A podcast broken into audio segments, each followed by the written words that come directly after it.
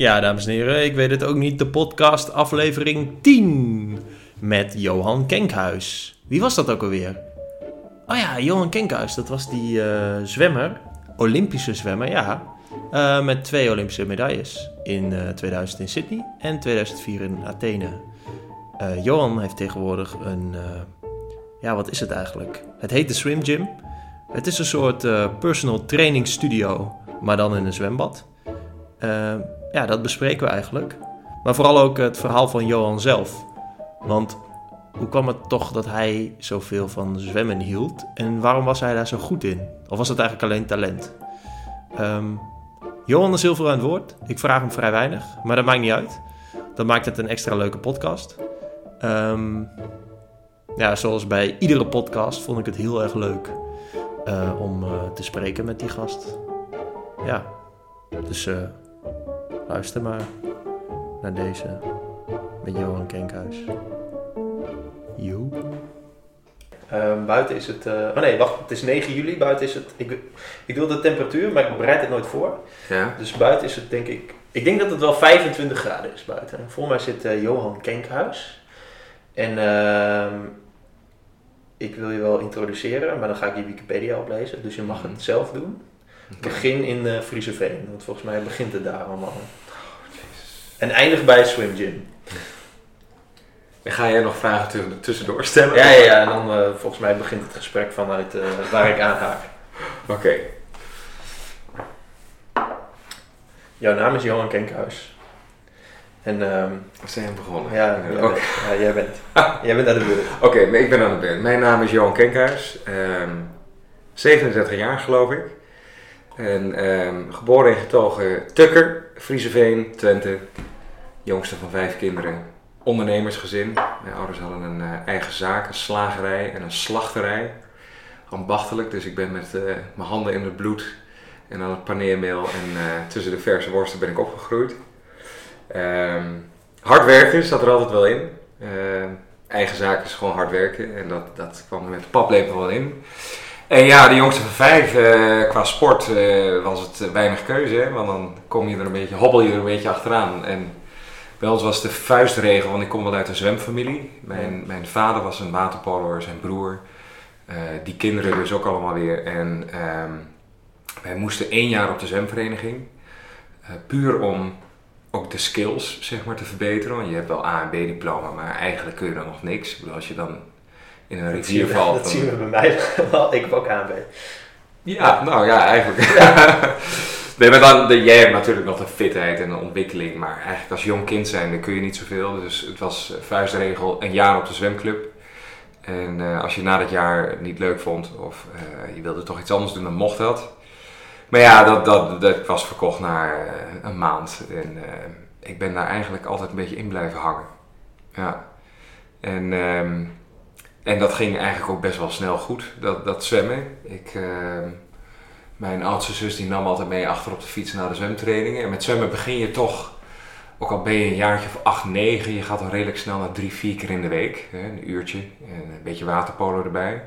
Dus je zit al snel in een, in een regime van vier keer in de week trainen. Mensen dan direct ook al 's ochtends vroeg voor school en zo. Ja, nee, viel nog wel mee. Volgens mij deed ik dat toen één keer. Of, eh, maar ja, dat was, dat was nooit echt mijn favoriet. Ehm, maar dat, dat, dat moet met zwemmen, weet je. We zijn niet gebouwd om te zwemmen. Dus ehm, elke zwemclub weet eigenlijk wel hoe sneller en hoe vaker je eigenlijk zwemt als jong kind zijn. Hoe, ja, hoe sneller je dat oppakt. Ik bedoel, eh, jonge kinderen pakken alles op. Als je nou op skilatten zet en eh, je, je flikkert ze van de piste af. En, en echt naar halverwege gaan ze ineens skiën, weet je. Dat is... Ja. Ze doen het, kinderen doen dat op een hele natuurlijke manier en dat was bij mij ook wel het geval. Ik was eh, ja, redelijk snel zat ik bij de nationale kampioenschappen voor tienjarigen en eh, won ik alles eigenlijk. Fijn. Dat is best fijn, Ja. ja. En ehm, dat heb ik toen op mijn tiende en de elfde de ene medaille naar de andere en op alle afstanden en ehm, dat, dat ging heel erg goed. En, eh, toen kwam toch een beetje het slop erin, want de puberteit die raakte me behoorlijk hard. Ja. Ik, heb echt, ik ben volgens mij de eerste hangjongere uit, eh, uit Nederland. Ik was er echt ontzettend goed in. Ik deed niks anders dan hangen bij de sportvijver in Frieseveen met vriendjes en dan stiekem sigaretjes roken en, eh, ja, en uit bij Disco 65 op het westeinde in Frieseveen. Nou, het, was, het was achteraf gezien best aan de ene kant natuurlijk fantastisch, maar het werd op een gegeven moment wel een beetje sneuig.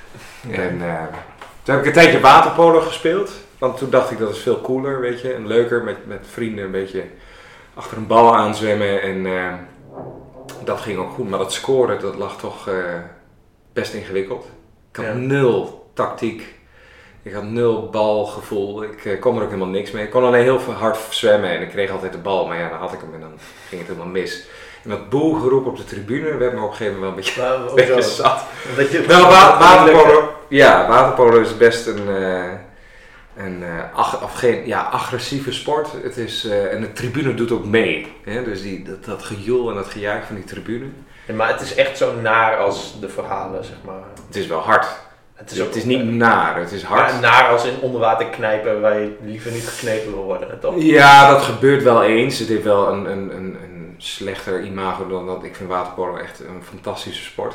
Um, ik, vind, ik, ik, kijk daar heel graag naar. Nee, een paar weken. in theorie en voor je lichaam lijkt het me een bijzonder goede of uitdagende sport, laten we het maar zo noemen. Het, het heeft alles. Het heeft uh, uh, sprintwerk, balgevoel, teamwork, tactisch spel. Uh, ontzettend zwaar. Waterpolo en zwemmen hebben ook niets met elkaar te maken. Om dat ook maar meteen mm -hmm. de wereld uit te helpen. Als ik uh, als geoefend Olympisch zwemmer een uh, potje waterpolo zou doen, leg ik er binnen twee minuten af. Ja. Terwijl een potje een half uur duurt. En andersom een waterpolo kan echt geen 100 meter uh, goed zwemmen. Ik bedoel, die, die blazen zich op en dan is het afgelopen.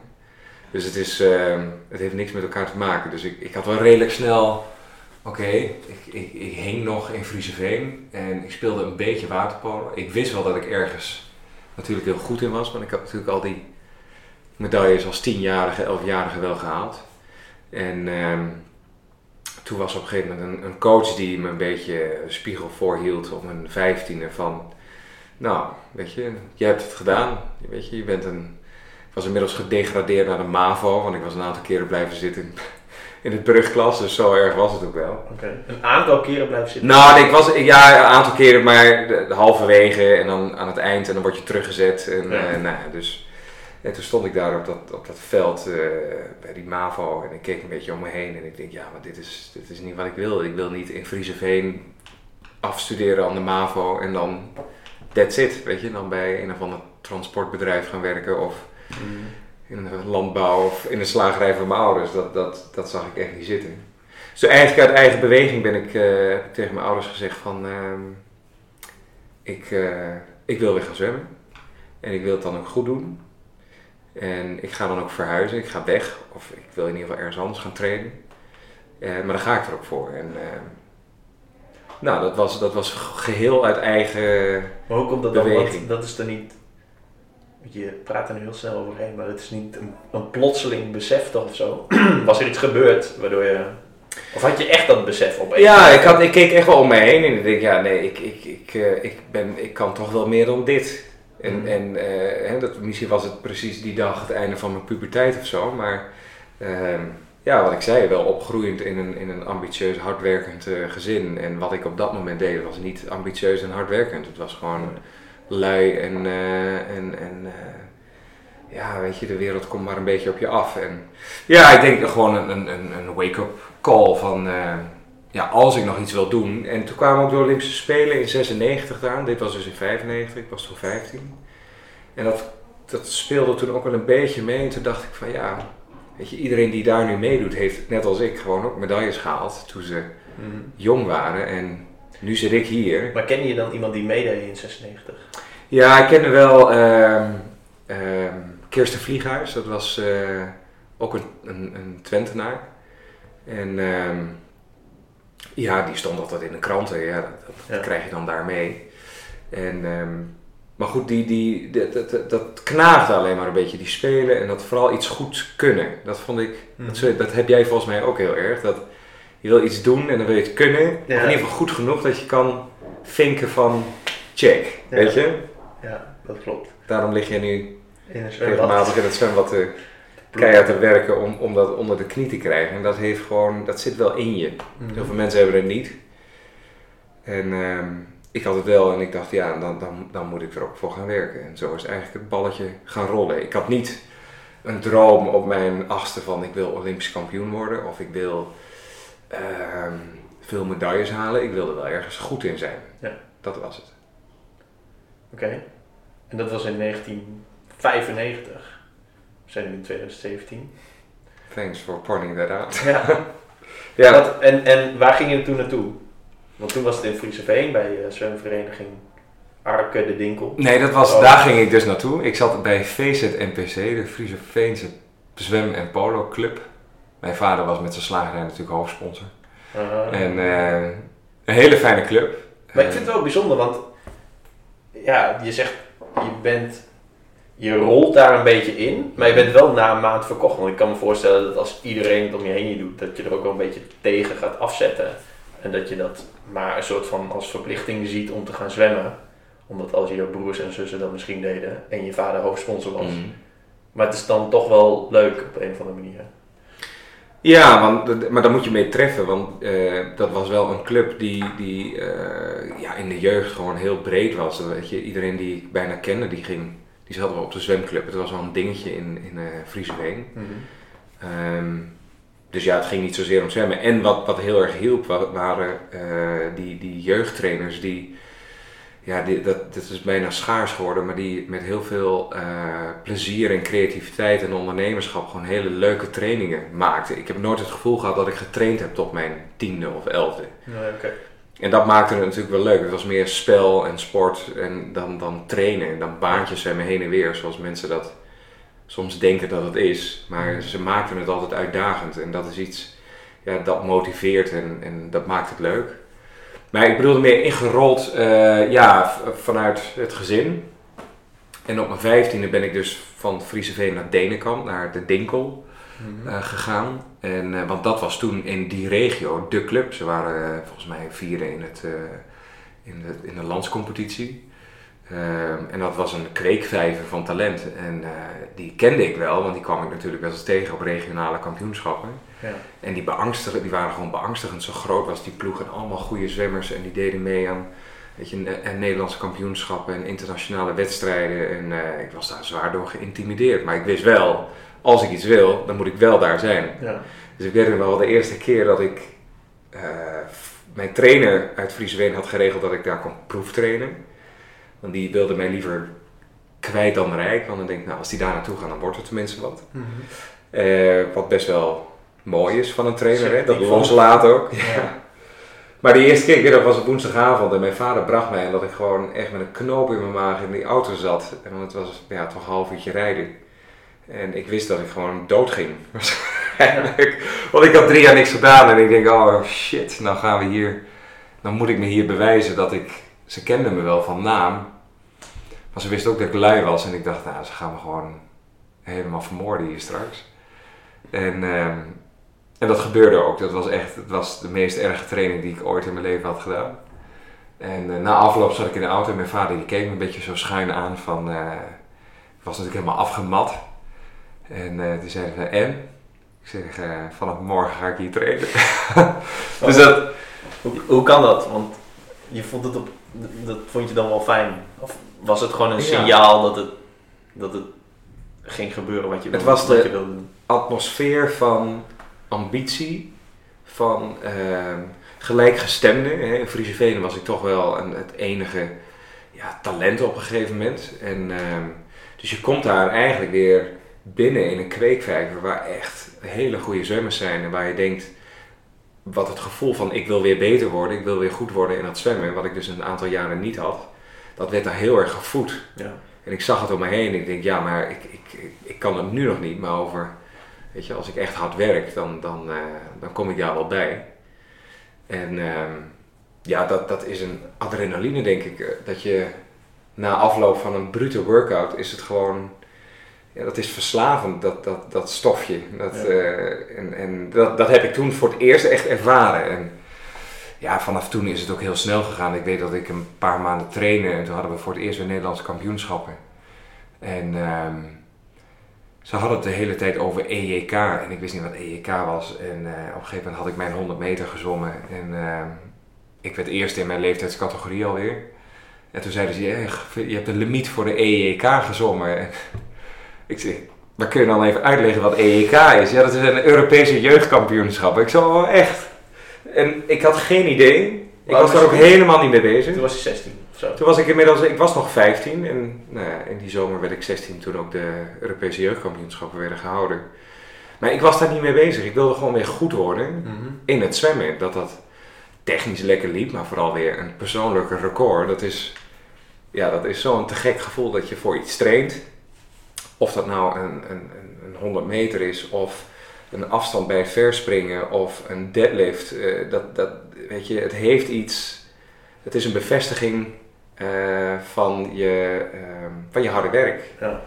En daar drijven mensen toch op. Je wil verbetering, je wil groeien.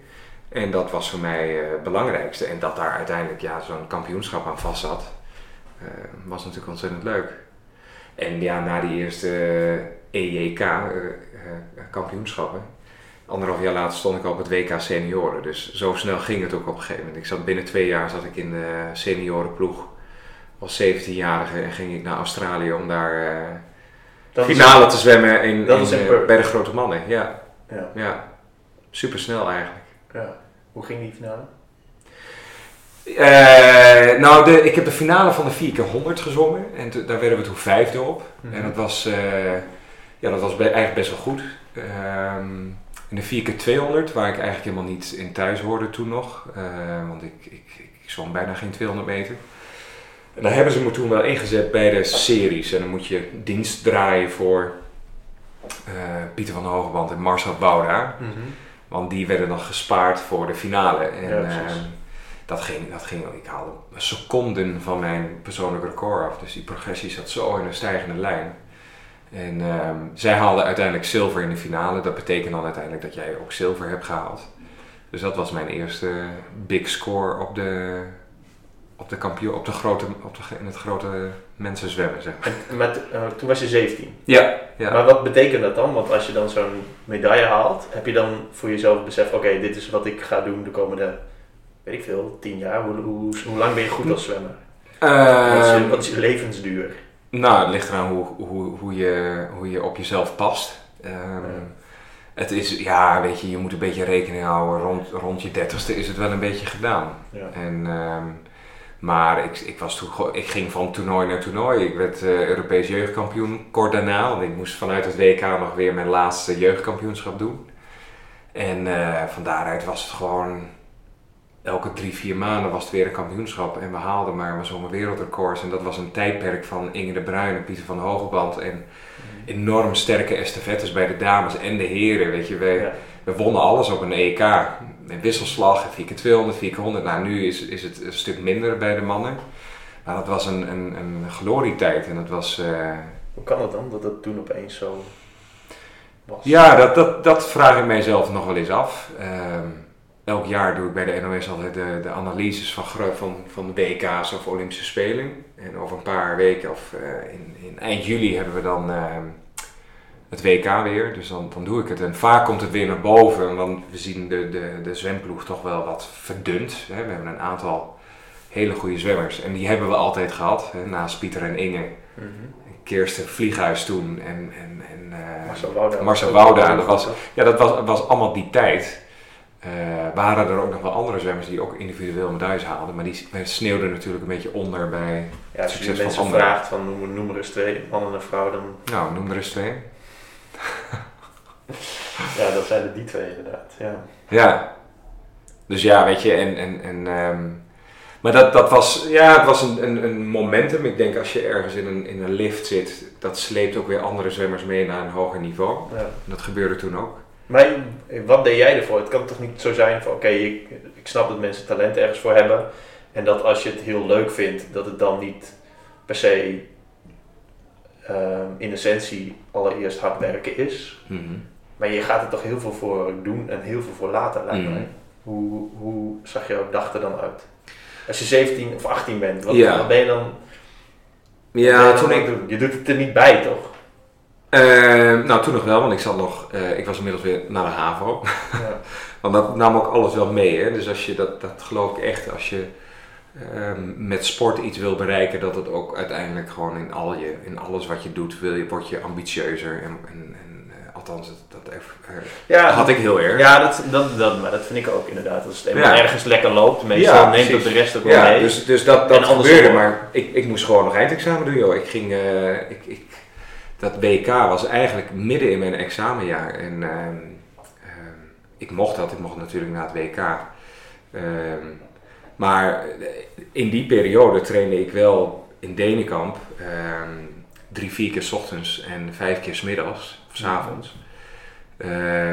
Maar dat was 30 kilometer verderop. Mijn ouders hadden eigen zaak, dus die konden niet elke keer brengen en halen. Dus die regelden wel wat met, in, eh, met, met ouders die in de buurt wonen, die mij dan kwamen ophalen. Maar toen ik 16 was, kreeg ik een, een, eh, een brommer, een poegje. en eh, en die, die, en die lieten we dan een beetje opvoeren, want dan gingen we wat sneller. En dan ging ik gewoon soms, dan ging ik ochtends om kwart voor zes de deur uit, of half zes. En dan was het ongeveer eh 35, 40 minuten naar Denenkamp, ging ik trainen. Van daaruit ging ik naar school, was ik daar om 9 uur. En dan tussen in de pauze en tussenuren deed ik mijn huiswerk. Vanuit school terug naar Denenkamp deden we krachttraining Mhm. om 4 uur. En om 5 uur doken we weer het water in tot 7 uur. En dan ging ik, pakte ik mijn brommetje weer en dan eh, was het naar huis. En dan was ik kwart voor acht thuis, eten. En om 9 uur in bed. Ja. En dat heb ik denk ik ongeveer 2, 3 jaar gedaan. En Maar dit is niet... met heel veel plezier. Ik heb Ja, er nooit over nagedacht van... ehm, dat is een teken dat je iets echt heel erg leuk vindt. Dan, dan, wordt, dan heb je nooit discipline nodig. Nee, dat is- ja. Mensen zeggen ook altijd, topsporters zijn ontzettend gedisciplineerd. Nee, die hebben gewoon iets gevonden wat ze heel erg leuk vinden. Ja. En als je iets le- leuk vindt, heb je geen discipline nodig. Ja, soms wel, weet je. Er zijn trainingen bij of er zijn dingen dat je, dat je eh, op bepaalde momenten... eh, dat je even je discipline moet aanspreken. Ja. Maar dat is, duurt hooguit 30 seconden. hè. Ja, maar misschien is dat niet discipline, maar het is het gewoon nadenken aan waarom je iets doet. Of wat je, wat je kan bereiken, Ja, kunt bereiken. Maar ja, en dat, zo heb ik dat ervaren. En, en ja, richting... Vanaf mijn achttiende ben ik naar Amersfoort verhuisd. Toen was ik, eh, had ik mijn diploma en toen kwam Sydney een beetje in beeld natuurlijk. Ja. Ehm, 2000. 2000. Eh, we hadden nog twee jaar en toen dacht ik, oké, ik kan gaan studeren.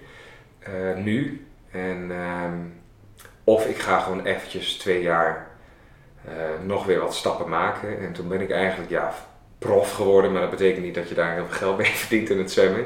Maar wel dedicated. En dan ga je van, weet je, 12, 14 uur in de week ga je naar 20, 25 uur in de week trainen. En ga je dan ook een leven leiden wat hoort bij een, een, een prof. Namelijk tussen de trainingen door herstellen, eten, slapen. Ja. En, en ehm, Dus dan is je hele, hele leven of je week is gericht op ja, trainen.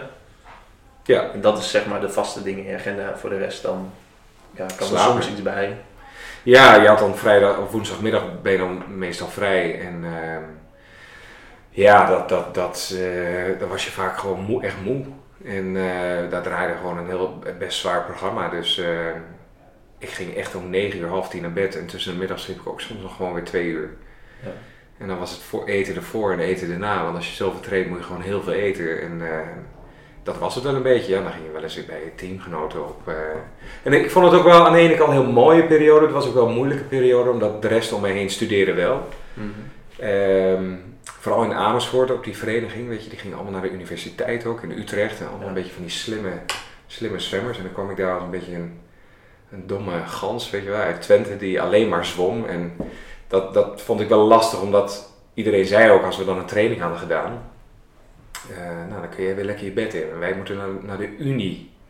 Ik zei, ja. Ik zei, dan moet je maar harder zwemmen en dan kun je er ook van leven, weet je. Dat, eh, Maar dan was je, wel, was je wel beter dan zo? Was het een soort Ja, strijd ja. of zo dan? Nee, het was geen strijd. Je had een aantal mensen die gingen heel gericht naar de Olympische Spelen toe trainen. En ja, Ja. er, er waren eh, andere zwemmers die, die wisten wel dat ze dat nooit gingen halen. Dus die, die waren gewoon daarnaast aan het studeren. Ja.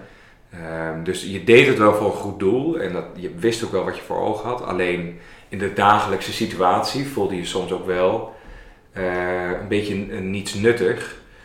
Ja, je traint en je slaapt en je eet en, en wat draag je bij aan de maatschappij, weet je wel? Ja. Dat, dat, dat gevoel heb je dan wel. En dat heeft ook wel een beetje te maken met de positie van het beroep topsport of topsporter in Nederland. Ja, is- dat merk je natuurlijk al. Wat je net zei, dat als je prof, als prof bent, ja, dat- je krijgt toch een toelage van het NOC-NSF dan of zo? En dan krijg je een autootje en eh, Ja, een nou, trainingspak en eh onkostenvergoeding.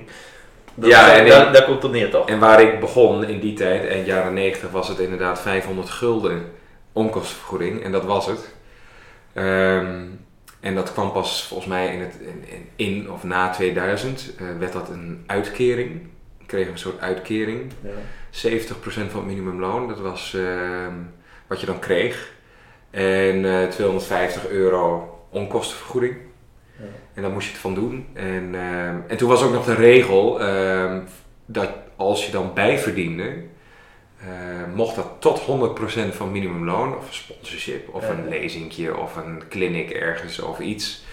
En alles wat je erboven kwam, werd je weer gekort. Dus je kon nooit meer verdienen dan 100% minimumloon. En dat was het begin. Maar ja, goed, daar waren wij toen al heel erg blij mee en ook al best mee geholpen. Ja. Ehm, Maar ik weet dat het toen, ja, ik was niet zo heel oud toen. Eh, dus een jaar of veertien. Nee, wil je daarmee weet- zeggen, Jan? Nee, maar ik weet nog wel dat, dat, eh, dat ik me toen daarin ging interesseren, die topsporters. En dat, eh, het was toen best wel in het nieuws dat, ja, dat het best wel kloten was of moeilijk was om als topsporter in Nederland ehm, te presteren. Mhm. En de grap was volgens mij in Sydney wa- waren de meest succesvolle spelen, toch? Ja, Dus dan hadden we, dan waren er altijd weer mensen met het argument, ja, maar we halen toch wel die gouden medailles, dus dan jullie moeten niet zo zeuren. Maar het- volgens mij was het best wel, en volgens mij is het nog steeds wel een moeilijke periode, of moeilijk voor Mhm. topsporters om topsporter te zijn in Nederland. Tenzij eh voetbal. Het is, het is veel beter, eh, maar weet je wat het is? Ehm, voordat, ik, heb, ik heb mijn meeste progressie geboekt in die jaren bij de Dinkel in Denenkamp. Ja. Op dat brommetje. Ja, Van mijn vijftiende tot mijn achttiende heb ik de grootste stappen gemaakt. ja. Die tijden die ik zwom, uiteindelijk eh, tussen mijn achttiende en mijn twintigste, dat zijn mijn persoonlijke records geweest. Dus eh, ja, tuurlijk, de faciliteiten zijn belangrijk. Een beetje ondersteuning, geld verdienen is belangrijk. Dat was toen helemaal niet zo. Ik deed het onvoorwaardelijk. ja. Ook in weer en wind. Ik had soms twee skibroeken aan op die poeg midden in de winter. En dan kwam ik aan na, na, na 40 minuten op de training. En dan moest ik eerst even onder de warme douche, want mijn knieën waren nog te koud om mijn schoolslag te kunnen zwemmen. Weet Ja. je, want dan, dan blesseer je je knieën. En dan ging ik erin en dan trainde ik. En dan weer in dat skipak terug naar school. Ehm, en je deed het wel, je werd wel getest. Hè? Intrinsiek of je gehard was om dat ook daadwerkelijk te doen. En wat je nu wel eens ziet, dat jonge talenten die zijn 15, 16 jaar, die komen meteen in een structuur. Hè? Een, een nationaal trainingscentrum of een regionaal trainingscentrum. En waar alles toch wel geregeld is. Hè? De trainingstijden zijn nu van 8 tot 10. Ik moest om kwart voor 6 in het water liggen, want ik moest gewoon naar school. Ja. Je hebt nu loodscholen. Hè? Het is allemaal wel beter. Alleen, ehm, het betekent nog niet dat het succes oplevert. Want die, die hardheid en die weerbaarheid die je nodig hebt als topsporter, ook op het moment waarin het dus niet goed gaat of eh, eh, wanneer het tegen zit, wanneer je een aantal weken gewoon niet lekker traint, dan moet je wel die hardheid hebben Ja. om eh, door te kunnen gaan. En ja, dat, dat, het heeft voor's en tegens, weet je. Het is hoe luxer de situatie wordt en hoe eerder je daarmee als talent in aanraking komt, hoe sneller je eraan gewend raakt. En wanneer je het dan even niet meer hebt, want dat is wel in topsport zo, we hebben geen vaste contracten. Nee. We kunnen nooit achteroverleunen. Je moet je twee keer per jaar bewijzen dat je in de top 10 van de wereld zit. En als je daar niet in zit, ja, dan wordt de eerste eh, volgende toetsperiode, dan word je, word je uit de A-status gezet. En dan ga je van salaris, auto, onkostenvergoeding en allerlei benefits, ga je naar volgens mij 300 euro in de maand. Maar dat, dat lijkt me best stressvol. Want ja, dat is het ook. wel- Als je op het randje zit altijd wel. Hè? Als je net...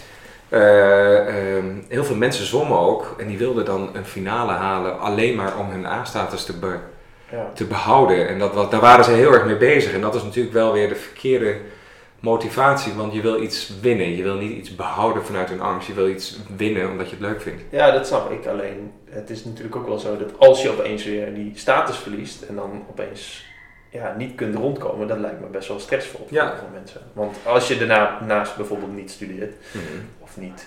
Je mag, je mag niet werken daarnaast, want dan verdien je weer te veel. Dan- Ja, dat is inmiddels allemaal wel een beetje veranderd. Ja. Maar, eh, ja, maar kijk, de sport groeit ook door. Dus hè, ernaast, ernaast werken is denk ik echt wel heel moeilijk. ja. Ik heb dat ook een tijdje geprobeerd omdat ik me verveelde. En ik kon niet thuis zitten. Dus hè, dan ging ik... Ik heb nog een eh, een half jaar volgens mij na Sydney. Toen wilde ik, wilde ik nog niet studeren, maar ik wilde ook niet meer thuis zitten. Toen ben ik me via eh, Randstad, uitzendbureau, die waren heel lang sponsor van de NOC-NSF. En die hebben mij toen een baantje bezorgd. En het enige baantje wat op mijn tijden kon, dat was eh spoelkeuken of cateringmedewerker bij grote bedrijven. Dan stond ik gewoon in de spoelkeuken en dan kwam ik met mijn eh, dikke Volkswagen met Olympische ringen. kwam, kwam ik daaraan en dan ging ik twee, twee vuile vaat wassen. En, eh, ik, maar puur om, om een, een gevoel van nut op een gegeven moment ook te Ja. hebben. En toen dacht ik op een gegeven moment, nou dit is ook onzin. Ik heb mijn loonbriefjes volgens mij ook nooit opgehaald. En eh, ik deed het omdat ik het, ja, ik wilde iets doen. Ja. En toen ben ik ook weer gaan studeren. Toen ben ik, eh, heb ik gezegd, nou dat, dat alleen maar zwemmen, dat is niet voldoende voor mij. En eh, ik ga er iets naast doen. En dat was in 2004. Nee, 2001. Oh, ja, Sydney was was, natuurlijk eh, 2000. Ja, En 2000 Sydney was wel was een eye-opener in, in alles. Dat, is, dat was denk ik de meest dankbare twee weken die ik, die ik in mijn leven heb gehad. Zo. Waarom? Ehm, omdat alles misging wat mis kon gaan en omdat alles goed gemaakt werd waar, waar, waar- wat je hoopte. Wat ging er mis dan? Ehm, in Sydney, wij waren inmiddels eh een van de drie titelfavorieten eh, voor de 400 meter vrije slag. Dat was op dag 1 van de Olympische Eh, Spelen. Ik weet waar je naartoe gaat. Ja, Maar en, eh, niet. en, en, eh, het jaar daarvoor op het EK werden we eh Europees kampioen in een Europees record. En wij moesten ons meten met Amerika en met Australië. Twee grootste zwemnaties en dan had je Nederland. Mhm. En wij hadden toen een groep jongens die gewoon echt uitzonderlijk goed waren bij elkaar. Met Pieter als, als eh, frontman. En ehm, het ging erom dat we die medaille gingen ophalen in, eh, in Sydney. En ehm, de kans was gewoon ontzettend groot dat we... Nou, het was bijna een zekerheidje, hoewel je die nooit hebt in de sport, dat we een medaille gingen halen. Ehm, en de kans op goud was ook gewoon aanwezig. Want ja, wij waren allemaal jonge eh, zwemmers en die heel erg in de lift zaten. En dan weet je nooit hè, hoe die progressie zich eh, voortzet. Ehm, dat, dat leverde ook, die, die, die, die, dat succes van die estafette leverde ook eh, onderlinge concurrentie op. Want je wist, er zijn zeven jongens die, en er is maar plek voor vier in de finale. En iedereen wilde in die finale zitten natuurlijk. En ehm, ik weet nog dat het, het, het voorlopende EK, dat was een aantal maanden voor Sydney. Daar waren we eigenlijk niet echt in vorm, want we waren nog vol in training. Een leuk test-event. En ehm, toen werd ik samen met Pieter werden dan gespaard. Omdat wij, ehm, eh, hoe heet dat, Ehm, de twee snelste waren. Mhm.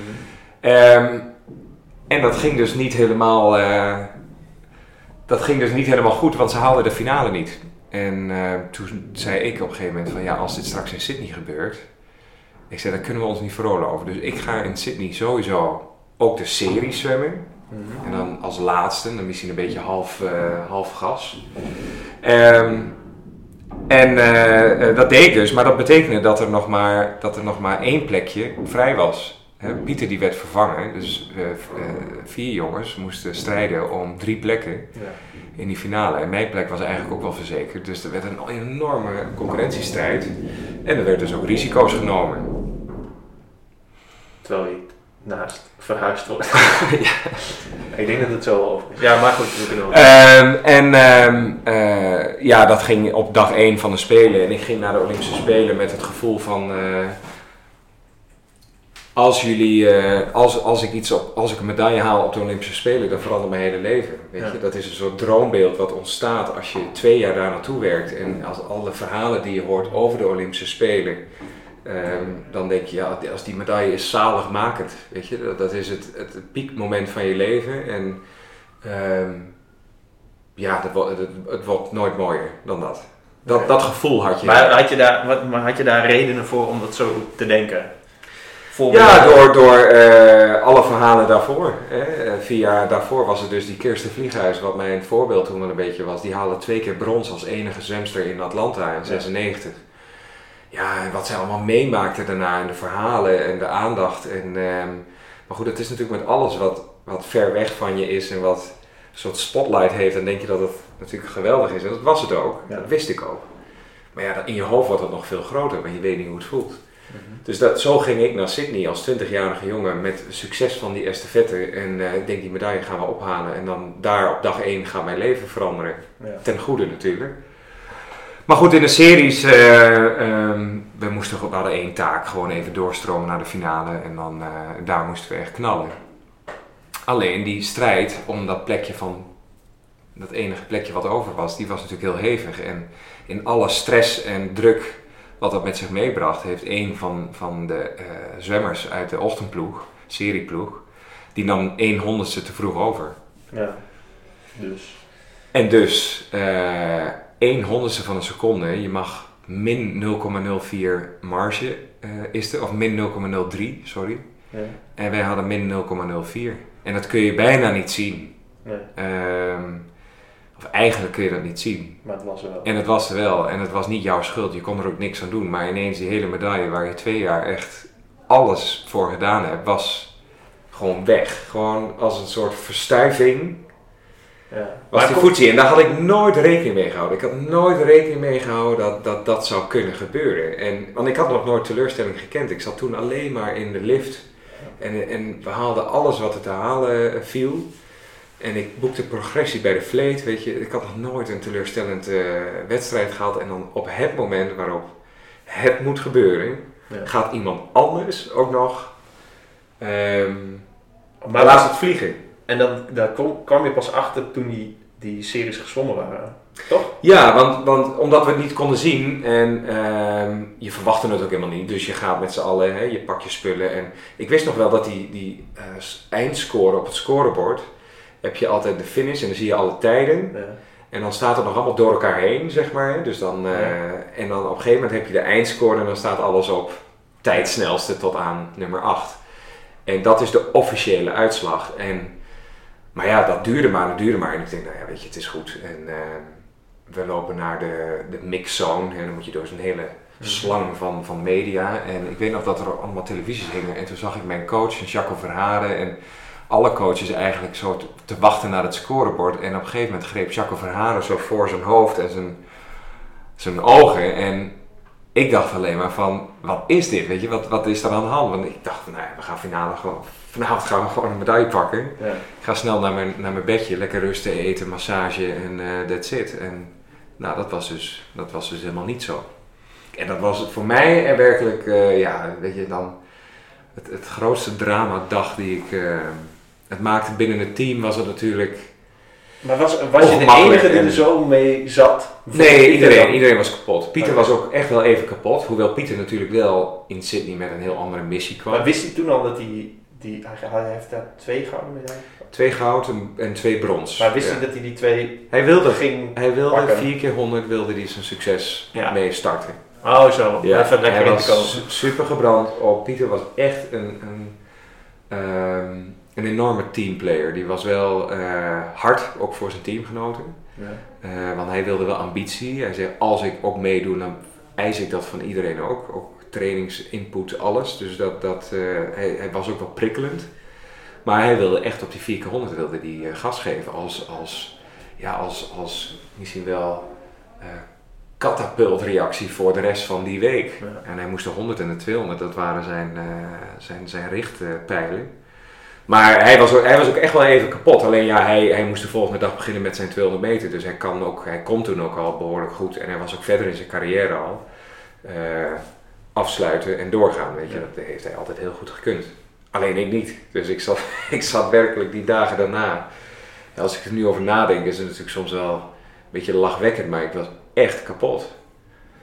En ehm, Moest je, wat voor eh, nummers wat na daarna, daarna nog? Ik moest, nog, ik moest ook veel. Ik moest de 100 meter, eh, ik moest de 50 meter en ik moest de 4 keer 200 meter. En ehm, die 4 keer 200 meter waren we wel goed in, alleen ja, lang niet zo sterk als, als de 4 keer 100. En weer die 100 meter, dat ging eigenlijk, ja, dat, verdriet kost je heel veel energie. Dus ehm, dat, dat, daar herstel je eigenlijk ook niet van. Dus als je eh, een teleurstellende race op een WK of op Olympische Spelen en je bent niet mentaal krachtig genoeg om een teleurstelling op te vangen, dan gaat dat twee, drie dagen, lekt dat energie, Mhm. emotie. En dat haal je nooit meer in, want je hebt 110% van je energie nodig, wil je topprestaties neerzetten. Dus die, die mentale weerbaarheid, die had ik helemaal niet. Uh, en, en, dan is het eigenlijk... ook natuurlijk. Nee, nee. Nou, daar kunnen we het straks nog wel over hebben. Want er wordt nog steeds veel te weinig gedaan. Uh, en dat is heel gek, want fysiek was ik echt in de beste vorm van mijn leven. Ik, uh, dat, alleen na dag 1, na die, na die disqualificatie, uh, heeft die vorm zich nooit meer tot uiting gebracht. Want na drie dagen, een soort van rouw, was ik wel behoorlijk leeg. En, alleen toen was het ook weer diezelfde Pieter, want toen waren we inmiddels op dag 5 en die 4x200 stond voor eh, de deur. En, en die heeft mij volgens mij letterlijk een klap in mijn gezicht bijna gegeven. Van, ehm, dan maar op die 4x200, zei hij. Ik zei, ja maar ik, ik, zei alleen maar ja maar, ik zei niks ja maar, daar kan het ook op. Ja. En uh, nou, ik, ik, ik had er niet echt een geloof in. Alleen toen zaten we voor de, voor de finale, we hadden wel de finale gehaald, als zevende of zo, of als zesde, dus ook niet vol overtuiging erin. Alleen Pieter kwam erbij en die was natuurlijk in bloedjevorm, maar die had inmiddels uh, goud op de 200 gehaald. Uh, dus die vloog, die man. En uh, Marcel Wouda, inmiddels de bondscoach en coach van grote zwemmers als, als Femke Heemskerk. Die, uh, dat was zijn laatste race ooit. En hij had nog nooit een Olympische medaille gehaald. En hij had al, er was zijn vierde Olympische Spelen uit mijn hoofd. En ehm, hij, uh, hij was zo gespannen en ik was, hij was zo gefocust naast mij, op de stoel naast mij. En dan moet je tien minuten nog wachten, weet je wel, voor die mhm. finale. Dat is de ergste ruimte waar, waar je dan in komt. En ik was een beetje verdoofd nog. Weet je, ik dacht, ja, nou ja, we doen ons best, weet je wel. En, dan, uh, en hij zat naast mij en dit was zijn race, zijn laatste kans op een medaille. En dat heeft mij ook een beetje wakker geschud van uh, net op tijd. Van ik ga hier werkelijk alles eruit rammen wat ik erin heb zitten. En ik heb die 200 meter puur op emotie gezongen. En ook, weet je, ook, nou, volgens mij heb ik nog zitten schreeuwen onder water op die laatste 50 meter. Want die 200 meter was mij eigenlijk veel te lang. Hmm. Als sprinter zijn. Was je als eerste? Nee, ik was als tweede. En Marcel nam van mij over en Pieter die finishte. Hmm. En uh, Pieter zei maar één ding, blijf bij, blijf bij, blijf bij. Geef mij een reden om, weet je, in te kunnen halen. Dus wij, wij finishten als vijfde geloof ik. En Pieter die zag dat en dit, dit kan ik halen. Maar hij moest als laatste ook nog tegen zijn finale genoten van die 200 mhm. meter. Ja. Uh, die hij daarvoor had gewonnen. Dus het waren geen misselijke tegenstanders. En uiteindelijk hebben we uh, de 4 keer 100 verloren op 1 honderdste. Hè, en door ja. gedisqualificeerd. En we haalden brons uiteindelijk op 600ste. Dus, nou ja, dat was, dat was zo onwerkelijk. En ehm, nou, daarna was er natuurlijk een en al blijdschap. En uh, ik weet nog wel dat ik de volgende ochtend wakker werd. En dan heb je die mooie medaille. En die hang je dan aan je plastic bed, uh, post. Uh, in je Olympische dorp. Want dat is, dat is ook geen luxe bedoeling natuurlijk. En ik weet dat ik in mijn bed lag en ik keek naar die medaille. En ik dacht, het is toch wel allemaal raar dit, weet je wel. Dat, dat je eerst verlies je de medaille waar je al twee, drie jaar van droomt. En nooit rekening gehouden met, met, met, met die andere, die, die andere estafette. En, uh, en die haal je dan wel. Weet je, wat, wat, wat, en, waar, en hoe dan? Weet je, zo'n risico, zoveel effort en, en ook je privéleven, alles aan de kant zetten om die eerste medaille te winnen. Dat lukt niet, omdat iemand anders het nou, verpest heeft of iemand anders een fout heeft gemaakt. Dus ook nog die onmacht die daarbij komt kijken. Ja. En dan per ongeluk maar was je haal je die andere wel. Was je wel blij dan? Ik was er heel blij mee, tuurlijk was ik heel blij mee, maar het was voor mij de grootste levensles die ik had van je moet, uh, je moet niet alles aan de kant gooien om iets te halen waar je niet, waar je niet echt invloed op hebt. Ik bedoel, los nog van jouw teamgenoten heb je nog uh, al die andere landen die ook veel sneller kunnen zwemmen dan jij bijvoorbeeld. En ik was helemaal niet in balans. Ik, ik was vol met het zwemmen bezig, al twee jaar en ik, ik sliep en ik at en ik trainde. Um, en op het moment dat dat voorbij was, uh, dacht ik van ja, maar alles wat ik hierna ga doen, ga ik anders doen. En toen ben ik eigenlijk ook gaan nadenken in Sydney al van, uh, ja, ik ga als ik terug ben, ik wil door, want ik vond zwemmen natuurlijk fantastisch, ik was 20 jaar, maar ik ga studeren, ik ga wat meer sociaal leven opbouwen. En ik ga eh, wat meer eh, aan mezelf besteden ook. Niet alleen maar aan, aan eh, Johan de topsporter, maar ook de Johan persoon. Mhm. En, en ja, hoe en wat wist ik nog niet. Maar Sydney was voor mij echt een enorme eye-opener. Niet alleen over zwemmen, maar gewoon hoe ik, hoe ik wilde leven eigenlijk. Ja, want jij, jij in, de, re- in de research die ik deed, zag ik een, zat ik een filmpje te kijken in Praag. Over de, waar je in Praag was en daarover vertelde. Want er zijn, jij vertelde over drie motto's of eh, spreuken die met de Olympische gedachten te maken hebben. Die voor jou Ja. heel belangrijk waren. Mhm. Was dat toen, was dat in, na die Spelen in Sydney? Ja, Welke waren dat? Weet je die nog wat je over? Eh, ja, nou, nou test je me even, want het is eh, excellering, Ja? vriendschap en respect. Dat zijn de drie kernwaarden van de Olympische gedachten. Ja. Eh, nou, daar kun je alles van vinden in, in, de, in de commerciële tijd van tegenwoordig, maar dat is wel eh, zoals het ooit opgezet is. Die drie kernwaarden, eh, die, zijn, die zijn belangrijk. En excelleren, dat gaat natuurlijk echt het beste uit jezelf halen. ja. Vriendschap is natuurlijk ook de wereld ontmoet elkaar daar, dus vriendschappen gaan natuurlijk heel lang mee. En respect is ook fair play bijvoorbeeld, hè, maar ook respect naar elkaar toe. En eh, ehm, ja, gewoon. eh, Ja, level playing field. ja, dat, dat, dat is het wel een beetje. En toen dacht ik, nou, ja, als sportman heb ik, dat, heb ik dat wel heel erg voor elkaar gekregen. Ik, was, ik, was- ik kan, kan heel goed tegen mijn verlies. Ehm, wat mensen soms raar vonden, want sporters die horen niet tegen hun verlies te kunnen. En dan, maar ik wel. Als ik geklopt werd op waarde, dan denk ik, oké, nou prima, weet je, schud je de hand in en, Ja. en klaar. En niet als iemand anders te snel het water in duikt. Nee. En ik uiteindelijk ook wel een plekje kunnen geven hoor. Maar. Nee, maar weet je, dat, dat, dat, ik, dat, vriends, dat excelleren zat allemaal wel goed. Alleen dat vriendschap en respect. En dan met name ook, ehm, dat deed ik als sportman wel goed. Maar als privépersoon vond ik niet dat ik, dat ik vooral naar mezelf toe heel respectvol was. Want ik zat al eh, jaren toen behoorlijk stevig en diep in de kast. Mhm. En ehm, dat wist ik ook wel. En daar was ook een reden voor, want ik, eh, ik had er nooit echt probleem mee dat ik homo was.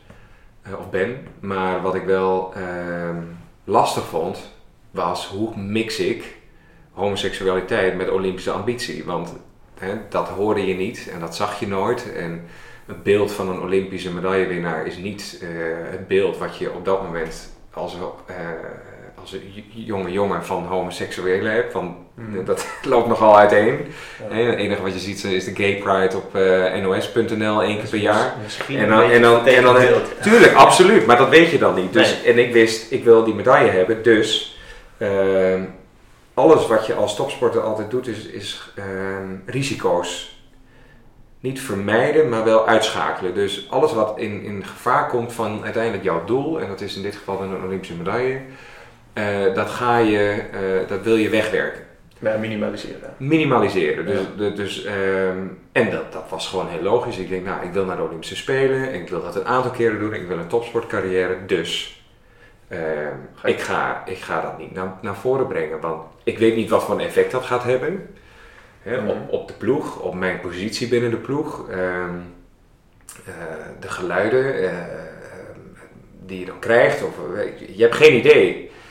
Dus ehm, toen dacht ik, nou dan, dan zeg ik het maar niet. En dan hou ik me maar op de vlakte. En nou ja, dan na mijn sportcarrière, dan, dan komt dat wel. Weet je wel, dan heb ik ook nog een heel leven en eh, prima. Eh, dus dat, dat speelde best wel een grote rol. En ik heb dat ook echt weggestopt. Ik was gewoon ook totaal seksloos in die hele periode. Ik heb, eh, ik heb gewoon gedacht, nou ja, dan maar niet. En het was wel grappig, want er is een hele mooie documentaire, 0.03. ehm, is, was onlangs in de bioscoop. Hij komt eh, ook heel snel op de televisie, vlak voor het WK. Ja. Ik weet niet wanneer deze podcast de lucht in gaat. Ja. Maar ehm, daarin eh, daar worden zwemmers gevolgd. Femke Heemskerk, Ranomi Kromowidjojo, Sharon van Rouwendaal. En Sharon die zei eigenlijk precies hetzelfde.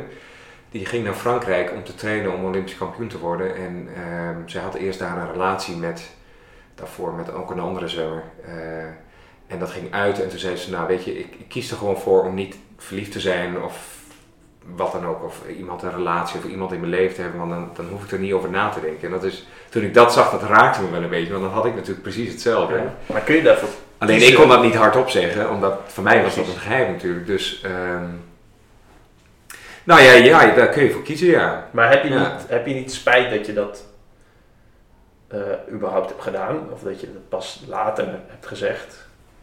Ik heb nooit ergens spijt van eigenlijk. Want ik denk, ik geloof wel heel erg dat, dat en dan klinkt wel heel erg als Oprah geloof ik, maar ik geloof wel dat je doet de dingen op basis van de kennis die je hebt en, en je, je, vertrouwt ook ergens je gevoel. En mijn gevoel was toen niet van, ik kom lekker uit de kast en uh, Sydney, here I come, weet je. Nee, maar het zou toch mooi zijn als het helemaal geen zak uit zou maken. Tuurlijk, maar dat is het ook. Alleen, en, en dat dacht ik ook, toen ik dus die, die uh, eerst niet en daarna wel die Olympische medaille haalde, dat ik dacht van ja, maar dit ga ik dus allemaal niet meer doen. Ik ga niet meer niet studeren, ik ga niet meer in de kast zitten, ik ga niet meer mezelf opsluiten in een appartementje in Amersfoort om alleen maar die medaille te halen die je in één honderdste van een seconde voor je neus weggegrist kan worden. Dat, dat, dat vond ik gewoon niet uh, in balans, laat ik het zo zeggen. Nee. En ik ben toen ook meteen, die wedstrijden waren nog niet voorbij en toen dacht ik, nou, ik ga maar meteen beginnen in Sydney, want ik ben hier toch lekker uh, alleen en uh, ik had nog een week feest voor de boeg en toen ben ik ook meteen begonnen met leven in alle opzichten. En, mhm uiteindelijk, weet je, een half jaar later was ik uit de kast en was het allemaal prima en uh, er was niks aan de hand. En, ja, weet je, maar dat weet je niet. Dat weet je pas als je eruit bent. En, uh, maar dat gaf mij wel dat ik denk, oh ja, dat had dus veel eerder gekund. Ja, en dan ben ik wel heel blij dat ik Je bent dan toch een soort van spijt. Ja, ik wil je geen woorden in de mond leggen, maar dan is het toch... Hmm. Of denk je dat dan alles for a good cause was? Hoe raar dat ook mag Ja, ik, weet je, dan ga je heel erg terugkijken. En ik denk meer van, uh, ik heb soms wel sporters gesproken die dan pas na hun carrière, en dat doen de meesten, uh, dan uit de kast komen in, in hun tweede leven als het ware. Maar ik geloof wel, als je dat echt lang volhoudt, hè, als je ook in je volwassen uh, tijd, hè, je bent 4, 25 of nog ouder, en, en, en dat ga je tegenhouden, dat het je wel ook tegenhoudt in je, in je, in je plezier. Ja. Dan is het niet zo ernstig of zo, zo uh, onplezierig om elke keer een onderwerp te vermijden. Om elke keer een onderwerp uh, te proberen te veranderen. Want dat deed ik natuurlijk de hele tijd. Ja, maar niet kunnen zijn wie je wil zijn. Dat is het, toch het allerergst. Ja. En ja, of niet kunnen. Ja. ja. Maar dat gebeurt, nog, dat gebeurt nog heel vaak. Maar ben je actief voorvechter? Zet je er actief voor in voor um, um, homo's? Of lesbiennes, of uh, dat zij dat zo snel mogelijk ja. uh, kenbaar maken? Of nou, geen, nou ja, hoe eerder hoe beter, hoe eerder hoe beter. En ik denk, ik en denk, dat het ehm, dus niks uitmaakt. Ik denk dat uh, te maken. Ik heb een paar keer wat gedaan. Hè. Ik heb een keer met, in 2009 geloof ik, heb ik een boot met allemaal Olympische kampioenen mee laten varen met de Gay Pride. En, en daar, ja. het groot respect stond ervoor op, hè, want daar gaat het onderaan de streep om. En NOC-NSF en uh, het ministerie van VWS die ondersteunen dat toen ook. Erika Terpstra was toen nog voorzitter van de NOC-NSF. Nou, die, die, stond bijna voorop. Maar, uh, en en uh, ik heb uh, wel lezingen gedaan op scholen. weet je, ik heb, maar ik ben niet, ik ben geen voorvechter. Ik heb zelf, wat ik al zei, ik heb het wel weggestopt. Het is een kwestie van een aantal jaren geweest. Ik heb er zelf nooit echt mee geborsteld, laat ik het zo zeggen. En als je ook redelijk snel dan toch uit de kast bent en dat heel normaal vindt, dan heb je niet een heel zwaar verleden gehad. En als je echt jezelf ervoor in wil zetten of echt activist wil zijn, dan moet het ook wel zo diep in je zitten dat je dat, wil, dat, je dat voor een ander beter wil maken. Ehm, en bij mij was het niet zo zwaar, althans, ja, het was niet fijn. Mhm. Ehm, maar ik doe, het, ik doe het waar ik het kan. En, uh, maar ik ben niet, ik sta niet uh, elke keer op die gay pride bijvoorbeeld. Of, ehm, ik vind het veel fijner als iemand met een Facebook berichtje eens een keer. Hè, straks zit ik weer bij de NOS op de buis en dan altijd een paar jonge sporters die ga je dan toch mailen en fijn en die hebben je dan gegoogeld of mhm. die hebben je toen gezien. Ehm, en dan, dan heb ik daar even contact mee. En dan als je die één zin mee kan geven van hoe eerder hoe beter. Ehm, ja, en daarna hoor je wel eens een berichtje weer terug drie maanden later van ik heb het gedaan. Ja, dat, dat, dat vind ik fantastisch. Maar ja, iedereen doet het op zijn eigen manier. Ik vind wel overigens om daar. Ehm, ik vind wel dat de hele uh, maatschappij daar een verantwoordelijkheid in heeft. Want eigenlijk is het heel gek als je erover nadenkt. Coming out is, iets, is een van de moeilijkste dingen die je kan doen. Mhm. Als mens zijnde. Iets, iets doen wat zo. Dat is onontkeerbaar. Weet je, je kan het niet meer terugdraaien nadat je het gezegd hebt. Het betekent ook meteen iets voor de rest van je leven. Ja. Hè, je, je, als je het woord al noemt, is het er al. Dus het is, Ja, het is een momentum wat het- zo lastig is. Het stomme is dus dat het, dat het een ding is. Dat je dat kennelijk moet zeggen of zo. Terwijl Ja. het, het, het, wel echt vanaf dat je geboren bent geen zak uit moeten maken. Nee, maar ja, Alleen, je Dat- moet, dat het is een soort verantwoording aan de rest van de wereld. Maar dat is, dat is toch raar eigenlijk. Nou ja, je- het, het is, het is waar, waar je in, in een cultuur of in een. In een ehm, in, in de, verwa kijk, de verwachting als je geboren wordt, als je meisje bent, dan zitten daar, kleven daar meteen, op het moment dat je eruit vloekt, zijn er, en, en, en, en er zit niks aan, zeg maar. Dan denk je, oh meisje. Ja. Ja, dan zitten er allemaal verwachtingen aan, want ze gaat kinderen krijgen, ze gaat trouwen, ze gaat eh, drie dagen in de week werken, nooit fulltime. eh, ze gaat, alles zit daaraan vast. En Ja. voor een man is het precies hetzelfde. Ja. Er zit meteen, als je eruit komt, zitten daar verwachtingen aan. Het is gewoon maatschappelijk en dat is ook, de, de, de, de massa doet dat ook. Ja. Dus dat wordt continu gevoed en die verwachtingen die slijten erin. Bij de ouders, bij de zussen, bij de vrienden, familie, omgeving, alles. Dus dat is ook niet iets wat je eh, heel makkelijk eh, weer eh, ja, anders maakt. Weet je, dat zit er gewoon heel diep in. Dat wordt steeds en steeds en steeds beter, helemaal ook wel in Nederland.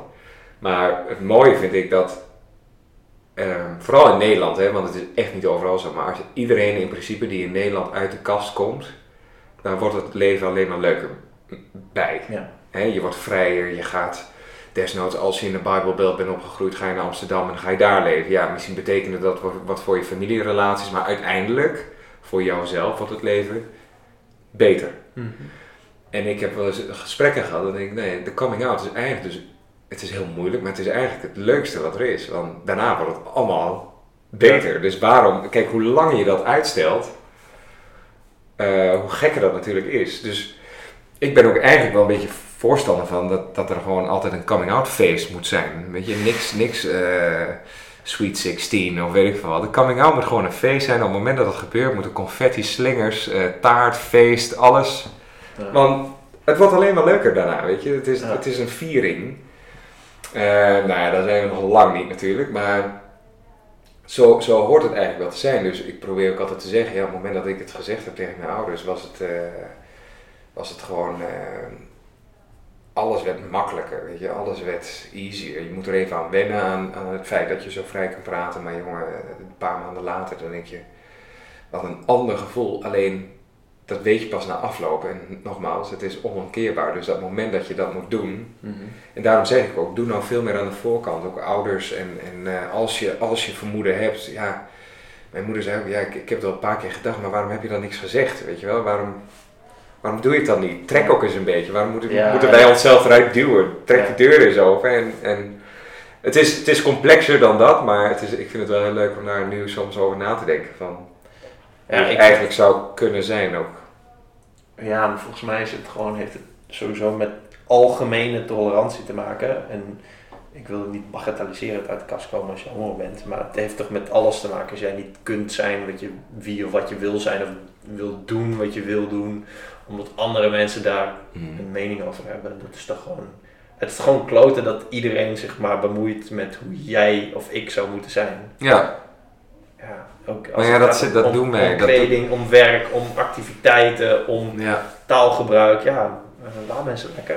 ja. Toch, ja, dat is... Dat, Ja, maar weet je, dat Oh. krijg je, dat krijg je niet uit. Want eh, onderaan de streep denk ik ook dat we, een soort, eh, dat we nog gewoon een, een diersoort zijn. En, ja, en, dat eh, klopt ook wel. Alleen het is wel een diersoort die na kan denken. En Ja. met argumenten kun je elkaar overtuigen. En met logica. Ja. Dus ja, dan... Ik denk ook dat ik na Sydney ben ik ook, ook echt gaan nadenken over dingen, over eh, de toekomst, over Je werd hoe gewoon... je wil gaan eigenlijk- leven. Je, nou, je stopte... Je puberteit was over toen je naar Denenkamp ging. Maar je werd volwassen. Ja, in nou, precies. Ja. Die vier jaar ertussen heb je zeg maar... Om het heel plat te zeggen, niet nagedacht. Nee.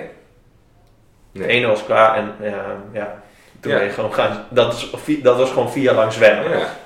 En daarna Ik weet ook wel weinig van die vier jaar. Dus Maar nu weet ik was, waarom. jij was puber, toen zwemmen en toen volwassen. Ja, Ja. ja, ja. Ja, en, en weet je dat, kijk, onderaan de streep, eh, ik ben ontzettend blij met mijn sportcarrière. En ik heb echt eh, tien jaar lang eh, van wereldrecords, ik heb volgens mij van rond de 14, 15 kampioenschapsmedailles, dus EK, WK, Olympische Spelen. Aantal individueel. Ik heb op een WK in een finale gestaan en op één honderdste heb je meer. Werd ik vierde op de 50, maar ja, dat, dat vond ik toen zo te gek. Mhm. Eh, heel veel mooie dingen meegemaakt, maar als je me vraagt wat is het meest waardevol uit je sportcarrière, is de disqualificatie van, eh, van Sydney. Ja. Ja. En dat heb ik ook uiteindelijk, want vorig jaar was er ehm, voor Rio hadden ze een reunie eh, van de Sydney ploeg. Mhm. KRO-programma, de reunie. Ja, ja. En, dan, en dat was wel leuk, want ehm, er werd een oproep gedaan en dan de hele selectie, dus alle sporten. Er was natuurlijk Leontien van Moorsel en Ankie van Grinsen, Mark Huizinga, weet je wel, Ja. en die hele ploegen eromheen. De hockeyploegen. En, ehm, dus het was heel, heel erg leuk. En toen ging de redactie, die deed een oproep van, nou, ik ken leuke verhalen en weet ik wat. En toen heb ik een verhaal ingediend, of heb ik gestuurd over Dennis, die jongen die dus eh, eh, te vroeg overnam. En hij ehm, is ook even uit het dorp verdwenen, want er was toen ook geen goede bondscoach die dat, die emoties binnen zijn ploeg aankon of kon managen. Dus dat ging van kwaad tot erger. Van stilzwijgen ging dat naar ook agressie en weet ik. En hij is op een gegeven moment bij een vriend buiten het Olympisch dorp gaan logeren. En dus dat was heel ernstig. Die jongen is ook echt, echt wel ja, beschadigd daarin. Ja. En, ehm, en dan weet ik nog dat die 4x200 zat hij oorspronkelijk ook in, in de serieploeg. Ja. Dus hij wist wel dat hij geen finale ging zwemmen. Alleen, en ik en Pieter zouden eh, weer ehm, gespaard worden. Eh, en toen hebben ze mij toch in die series gezet, want ze hadden hem eruit gezet. Ehm, en dus haalde hij geen brons. Ja. En ik weet dat hij de eerste was die klaar stond bij de mixzone om iedereen te feliciteren. En echt met tranen in zijn ogen. En dat vond ik toen ontzettend dapper, weet je wel. Dat Ja. ik dacht van, nou, ik heb Maar hem al vijf dagen niet gezien en nou staat hij hier op het moeilijkste moment. Hij had er zelf ook kunnen staan. Ja. En dat vond ik toen heel mooi. En dat verhaal had ik toen opgestuurd naar de redactie. Ik zeg, iedereen kent dat verhaal dat hij... ja, maar jij zegt het net alsof je hem nog steeds een lul vindt, zeg maar. Nee, nee, nee, want ik... Nou, ik heb hem... eh, dat deed hij ook. Ik heb dat een half jaar echt heel erg moeilijk gevonden. Als ik hem dan zag, dan eh, dacht ik van... eh, ik heb wel toen iets tegen hem gezegd, ook, ook daarna. Van, nou, het is niet jouw schuld of zo, maar... Ja, dat, dat, dat, dat kon ik nog niet verwerken. Dat was moeilijk. Nee. Andere jongens, die hebben volgens mij nooit met hem gesproken. Gewoon nu Dat- tot... Nee, nou ja, die zie ik dan verder ook niet zo heel veel meer, maar ehm, dat was, dat was eh, high impact. en die waren ook klaar, hè? Die waren toen, dat was enige Ja, wat ze precies. deden. Dat was dag één. Ik deed nog andere Ja. events, Oké. maar die, die ehm, Dat is ook wel ver vliegen natuurlijk, voor, eh, om niks te doen. voor, de, voor twee banen, ja. Ja. Maar die, die, dat verhaal stuurde ik in en eh, toen kwam ik mee aan het praat met de redacteur en toen zeiden ze van, eh, ging hem ook een beetje over mij en over Sydney en toen kwam dat verhaal wat ik net met jou besprak ook naar boven en toen zeiden ze ja, we willen eigenlijk met jou naar Sydney eh, terug als enige van de ploeg. Ja. En eh, dat verhaal eens een keer gaan. eh, En zet je met je laptop bij, bij dat bad. Ja. Toch? Ja. Nou ja, dat was de eerste keer dat ik het weer zag. En dat, dat was wel echt voor mij ook een, een heftige. Ja, maar, dat, dat, maar waarom was het, was het heftig? Omdat je er nog verdriet van hebt? Of omdat het zo belangrijk was voor de rest van je leven? Alles denk ik. Ik zat toen, eh, ik vloog dus voor een weekend naar Sydney om, om dat verhaal van die disqualificatie en vervolgens de winst en wat dat voor mij persoonlijk heeft betekend eh, eh, in kaart te brengen. En ze verrasten me met die disqualificatie. We kwamen in dat zwembad, daar was ik sindsdien ook nooit meer geweest. Dus dat is al, hè, dan gaat je hartslag al richting je keel. Ehm, want Sydney was natuurlijk fantastische Olympische Spelen. Ehm, en toen ze mee, ze gaan maar zitten op startblok 4. Volgens mij was daar ook de disqualificatie op. En toen kreeg ik de laptop en we gaan hem terugkijken. En, eh, en ik wilde eigenlijk, dat gaan we helemaal niet doen. Maar ik dacht, ja, nou ja. Ik was ook wel Maar dat nieuwsgierig. wist je ook niet dat je dat Nee, dat wist ik niet. En, eh, dacht, nee, Emo ja, TV. Ja, absoluut, Caro, hè. Dus Ja, tranen trekken. Maar, ehm, en ik zag dat, en, en niet zozeer dat moment van, weet je, dat heb ik wel gezien, maar ik zag mijzelf daar toen zwemmen ineens. En dat had ik nooit echt teruggezien, mijn hele Olympische eh, zwemmen. En toen zag ik pas hoe, ehm, hoe ontzettend goed in vorm ik was daar. Want dat, die, die, die race die ik zwom in de series van de 400 meter op dag 1, als laatste, want dan kon ik, toen hadden we afgesproken, als het ver voor ligt, dan hoef ik niet alles te geven, weet je, dan laat ik hem een beetje lopen. Maar, en ik dook erin en ik, ik zag mijzelf zwemmen en ik denk, zo heb ik mezelf nooit meer zien zwemmen. Dat was, dat was, ja, ik was daar in bloedvorm. En, en ik, dat, dat vond ik heel moeilijk, om, omdat ik die week daarna, ja, Mhm. een beetje gemiddeld presteren, eigenlijk wel onder mijn kunnen.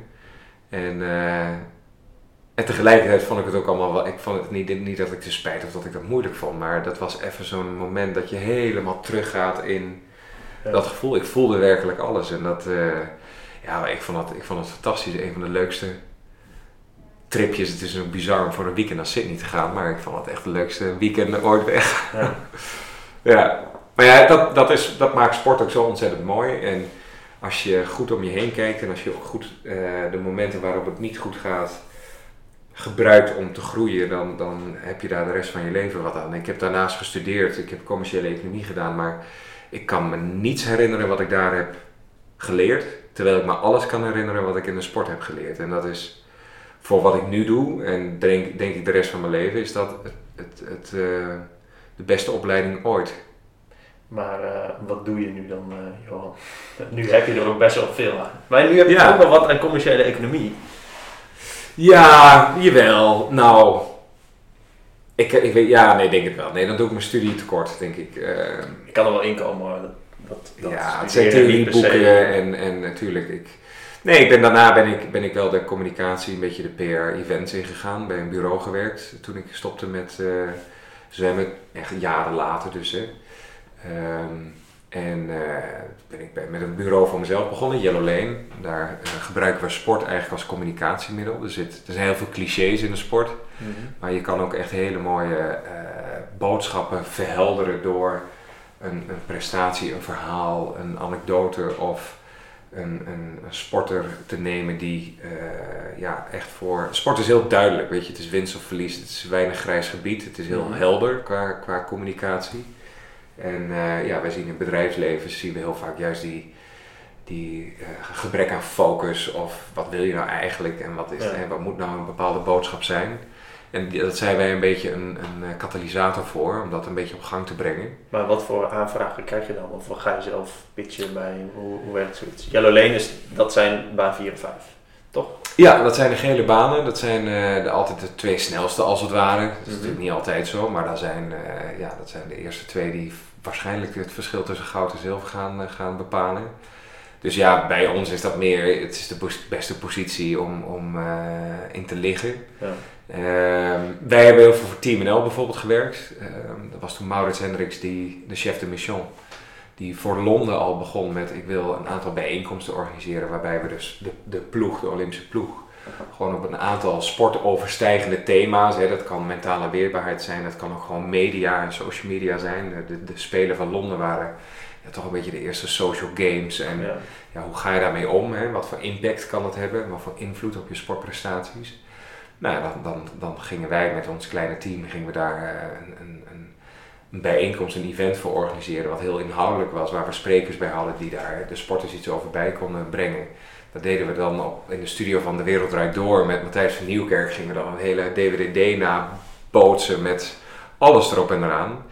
eh, om die sporter eh, daar naartoe te trekken en ze een beetje bij te spijkeren op dat soort thema's. Dus, maar dat was, dan, dat was dan weer niet voor het bedrijfsleven. Dat was gewoon Nee, dat, de deden we, dat hebben we ook bijvoorbeeld voor, voor eh, PwC bijvoorbeeld hebben we een, een eh, vitaliteitscampagne gedaan met allemaal bekende sporters die eh, de medewerkers van PwC op allerlei manieren in, in, in film, in, in print, maar ook in events en clinics in beweging proberen te brengen. Ehm, om ook het besef te, te hè, wat, wat ik toen ook niet goed deed, hè, alleen maar sporten. Dat doen heel veel eh, professionals doen het natuurlijk ook alleen maar werken. Weet je? Werken is alles, carrière maken, eh, rust, hè, slaap schiet er als eerste bij in, daarna sporten, Mhm. daarna privéleven. Weet je wel, heel veel mensen zijn gewoon niet in balans. Ik heb dat, ik heb dat nu ook meegemaakt voor zelf weer sinds mijn sportcarrière, toen ik Sun Gym, daar gaan we het zo nog wel over hebben, eh, ging openen naast mijn bureau. Wat in een sneltrein gelanceerd moest worden en geopend moest worden, waar ik zes maanden lang bijna zeven dagen in de week en tussen 12 en 14 uur per dag eh, aan het knallen was. En eh, ja, dat moest echt niet langer doorgaan. En ik kwam echt weer terug in een weet je, knoop in de maag en, en hartkloppingen, niet meer sporten, heel onregelmatig eten. ehm, en dat gaat niet. Nee. En toen dacht ik, dit is grappig, zit ik iedereen te vertellen hoe je het moet doen. En dan doe ik het zelf. Dus dat, eh, en dat soort dingen doen wij. Dus hoe een sporter leeft, uiteindelijk ook een beetje het verhaal wat ik soms ook vertel. Hè? Dus de balans vinden tussen privé, zakelijk, tussen eh, ontspanning en beweging. Mhm. En je hoeft echt niet heel veel te trainen om uh, vitaal door het leven te gaan. Ehm, maar je moet gewoon kijken naar jouw profiel en wat werkt uh, en hoe, hoe kun je een beetje in balans raken. En ja, de sport, de, de slimme sporter is, is heel goed in balans. Die weet heel goed hoe die elke dag moet zijn presteren. Er, zijn er veel slimme sporters? Kun je ja. geven? Ja, genoeg. Uh, in, in, uh, ik, in, in de zwemsport bijvoorbeeld. Ja, dan ga ik wel heel erg. Uh, is gewoon een hele berekende zwemster. Die weet gewoon heel goed. heeft ook haar issues hè, met gewicht bijvoorbeeld. Voor Mhm. Rio ging het een jaar lang over de 5 kilo overgewicht van Ranomi. Oh, niet. In alle kranten en op televisie en overal. Dus uh, nou, dat was haar, dat was haar uh, puntje. Ja, mensen als Femke Heemskerk. Uh, ik, ben, ik ben dol op, op sporters als Edith Bos. Hè, die zijn inmiddels gestopt. Ja. Dus die ken ik dan nog wel goed. Ehm, Die zwemt ook bij jou. Die traint af en toe Oh, bij ja. mij, ja. Zit met name in de crossfit, maar af en toe komt ze, komt ze even bij mij. Maar hockeysters als Kim Lammers, weet je wel, ook slimme Teun de Nooier. Uh, dat vind ik mooie sportmannen en vrouwen die uh, ja, ook gewoon slim zijn. En, en, en, en naast hun sportcarrière ook gewoon ambitieus blijven. En, um, ja, dat vind ik wel heel leuk. Maar ook Pieter van der Hoogband, weet je, daar heb ik gewoon dagelijks veel contact mee. Wij werken heel veel voor zijn stichting, de Topsport Community. Mhm. Um, die brengen bedrijfsleven en topsport bij elkaar, maar dan op een heel hoog level. Uh, ja, daar organiseren wij alle inhoudelijke events voor. En dat is, uh, dat is een heel mooi speelveld. En uh, ja, dat werkt gewoon heel goed. Ja, nice. Ja, Maar dat ben je pas gestart nadat je... Want wanneer ben je gestopt met 2006. zwemmen? Ja, En toen waren het de Spelen van 2004. geweest. Dat was Athene toch? Ja, Ja. ja. En daar heb je ook nog gepresteerd, toch? Ja, daar haalden we uiteindelijk, waar het ook in Sydney misging op die 400, haalden we daar zilver op de 400. Win je, vind je dat je zilver wint dan? En toen wel, want inmiddels waren we vier jaar verder. Ja. Ons team was vier jaar ouder. ja. Uh, Hetzelfde team? Bijna wel. Um, andere landen waren ons echt wel voorbij. We hadden sinds in 2003 op het WK misten we de finale gewoon op de 400. Gewoon omdat we niet goed genoeg waren. Dus dat was helemaal geen fijne uitgangspositie voor een jaar later natuurlijk. En ik weet wel dat we uh, dat jaar heel hard getraind hebben. Dat was 2003 was een wake-up call. Ik denk nou als we in 2004 dat recht willen gaan zetten, dan moet er toch echt wel iets, iets uh, gebeuren. En ik denk dat wij met z'n allen heel goed en hard en verstandig getraind hebben. En uiteindelijk zelfs nog het, de, de, de finale halen was al een uitdaging. En wij gingen denk ik als zesde de finale in. Mhm. Zonder Pieter. Toen kwam Pieter er natuurlijk bij. Maar Pieter was ook niet meer wat hij in Sydney was. Dus uh, had inmiddels een hernia gehad. En, uh, en ik weet nog wel dat we toen voor de finale met z'n vier op een rij stonden. En dan moet je dan ook weer die ruimte en zo in. En, en uh, toen was het heel duidelijk dat je ook zonder woorden keken we elkaar aan van nou, nu of nooit. Weet je wel, dit is. Dat, was, dat, dat bracht ons naar een soort state of mind met kippenvel en hartkloppingen van uh, alles. En dat Pieter ook alleen maar zei, bijblijven. Blijf alleen maar bij. En ik moest toen als eerste en Pieter als laatste. En dan ontmoet je elkaar dus ook weer. Want Mhm. als twee en drie aan het zwemmen zijn, heb ik nog een contact met, met Pieter. Ja. En uh, hij vond het altijd wel heel fijn om, uh, om opgenaaid te worden. Dus dan ging ik erachter staan en dan, dan schold ik hem ook helemaal verrot van van alles en nog wat. En dat, als hij niet deed, jongen, jongen je sloeg hem mee. Kom op, klootzak, haal ze in. En dat vond hij heerlijk, weet je. Dan ging, ging, ging, zijn, ging zijn hele uh, nek overeind en dan ging hij er voorbij. En ja, dat was, we gingen als vijfde erin, geloof ik, vier of vijfde. En we werden toen uiteindelijk tweede. Met een magistrale inhaalrace. Ja, dat was toen echt ook... En toen wist ik ook, ik ben klaar. Weet je, Mhm. dit was... Dit was ten opzichte van vier jaar geleden precies toch wat ik wilde. En toen ja. ook als, meer als mens, hè, want ik was al lang uit de kast en ik was aan het studeren, ik was in balans, ik had een leuke relatie. Ik was, het betekende ook veel meer plotseling. Um, en ja, te, toen eigenlijk was ik klaar, maar goed, ik moest nog afstuderen, ik moest nog stages lopen. Dus ik ben nog twee jaar door uh, getraind omdat ik het wel gewoon leuk vond. Maar van binnen hoefde ik niks meer te halen. En, dat, uh, en dan was het ook heel makkelijk afscheid nemen trouwens. Ja. Maar ja. sloot je dan toch, ik zei je moet nog stage lopen, je sloot zeg maar je zwemcarrière tegelijk af met je studeren. Dat had je aan elkaar gekoppeld of zo? Ja, want uh, nou ja, ik, ik, ik had de tijd wel, want uh, om, om daarnaast nog te trainen. Ik, ik liet toen wel de 100 meter opvallen, ik deed alleen nog maar de 50 meter. En uh, Ja, dat, dat was, eh, dat, dat hoefde je maar één keer per dag te trainen en een beetje krachttraining en dan was je er bijna wel. Dus, en, en dan kon ik er mooi na stages lopen en afstuderen. En. Toen op een gegeven moment was dat ook wel klaar. En weet je, als je ergens helemaal tevreden over bent en niet meer dat, daardoor die, die drive en de drang hebt om iets te verbeteren, ja, dan moet je ermee kappen, dan moet je iets anders gaan doen. Ja. En dat voelde ik toen wel heel goed aan. En ik ben echt een van de sporters die echt geluk heeft dat hij afscheid heeft kunnen nemen. Gewoon omdat ik tevreden was. En eh, niet door een blessure of omdat je niet meer mee kan komen of dat je je niet meer kwalificeert voor iets. Het, eh, het was gewoon heel fijn en mooi en klaar. Ja. Ja. Ja, en toen, toen ben je direct ehm Yellow Lane begonnen.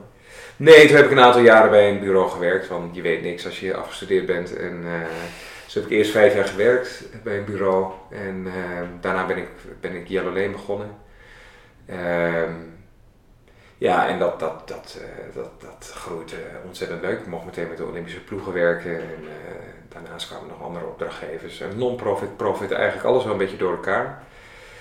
Ehm, en ja, ineens was daar vorig jaar eh, kwam daar een, een eh, heel andere uitdaging natuurlijk bij. Ja. Want eh Wat ook best wel snel is gegaan. super snel, ja. Want we, eh, we hebben het over Gym, maar dat ga je zo denk ik wel uitleggen. Want je bent toen, ben je toen blijven zwemmen toen jij, Nee, je bent gewoon helemaal uit het bad gegaan. ja. Ik denk dat ik ehm, in tien jaar tijd, dus tien jaar nadat ik eh, gestopt was, ik denk dat ik 30 keer getraind heb. In een zwembad. Ik bleef wel, ik bleef wel fit, Ja. ehm, maar Dan komt iemand binnen. Ja, dat is ook wel, oké. ja, leg maar, leg maar neer. Ehm, eh, die, eh, ik bleef fit. Ik vond, ik vond sporten wel leuk. Ik vond het ook wel heel leuk om, eh, om te trainen, fitness te doen en eh, al dat soort dingen. Maar ehm, ehm, nee, zwemmen dat was niet meer voor mij. En ook in Amsterdam, maar dat was ook een van de redenen, want daar woon ik toen al jaren. Om dan in het Miranda-bad of in het Marnixbad. Ik heb overal wel rittenkaarten gekocht en overal Ja. staan er nog negen op. Want na één keer, ja, moet je tussen die banen zwemmers door. En, en dat was een gevecht en druk. En eh, ik denk, dit, is, dit vind ik gewoon niet leuk. Ehm, ben ik gewoon andere sporten gaan doen. En het is ook leuk om ergens anders weer goed in te worden. Dus Ja. ik ben, eh, ben een tijd gaan crossfitten. En ehm, dat vond ik leuk, weet je wel. Gewoon technisch en, en eh, dingen leren. Ik heb nog een eh, tijd ge- hard, hard gelopen. Twee halve marathons gedaan. Ehm, ja, en dat, dat, dat vond ik wel leuk. Niet bloedfanatiek, gewoon om fit te worden. En, eh, En maar, dus, dus eigenlijk deed je, de conclusie was dat je het zwemmen eigenlijk deed om te presteren. En de rest omdat het leuk is. Nou ja, als je iets heel goed hebt gedaan en daarna gaat het. ehm, ehm, je gaat het op een andere manier insteken. Je gaat nog voor, de, eh, voor een kwart training en dan gaat het minder. En dat is logisch. Je hebt iets Ja. neergezet qua tijden en dan gaat het steeds verder terug. En dat is niet motiverend om eh, vier keer in de week te blijven doen. En je ziet toch wel heel veel, ja, weet ik veel, oud voetballers nog steeds tegen een bal trappen. Of, eh, Ik denk dat het ook nog wel tegenvalt. Als je ja. echt vraagt, ja, sommige zijn. Maar dat is ook, daar zit nog een spelelement in. Hè? ja, dat is wel. Dus dan kun je nog lekker een potje tennis of zo. Maar ik ken, ik ken wat, ik ken John van Lotten bijvoorbeeld, ook een goede tennis, toptennisser geweest. Nou, die zie ik echt niet meer op de, op de tennisbaan staan. Die, die voetbalt juist en die doet andere dingen. Ja. Dus het heeft iedereen wel. Hè? Edith Bos, die staat ook niet meer. Ja. Ja, hij is super fit. ja, Edith Bos die staat ook nooit meer op de mat. nee. Dus die doet, eh, die, die doet ook andere dingen, weet je. Die zoekt, je zoekt toch ergens anders. Het is een verzadiging enerzijds en het is natuurlijk een, een, een grote teleurstelling als je weer erin gaat en dat je dan merkt van alles wat ik kon. Het is een beetje als je later ouder wordt, weet je. Ik had er gisteren met mijn vader een gesprek over, die is nu 71, is heel fit, sport elke dag, zwemt, wielrennen, doet alles.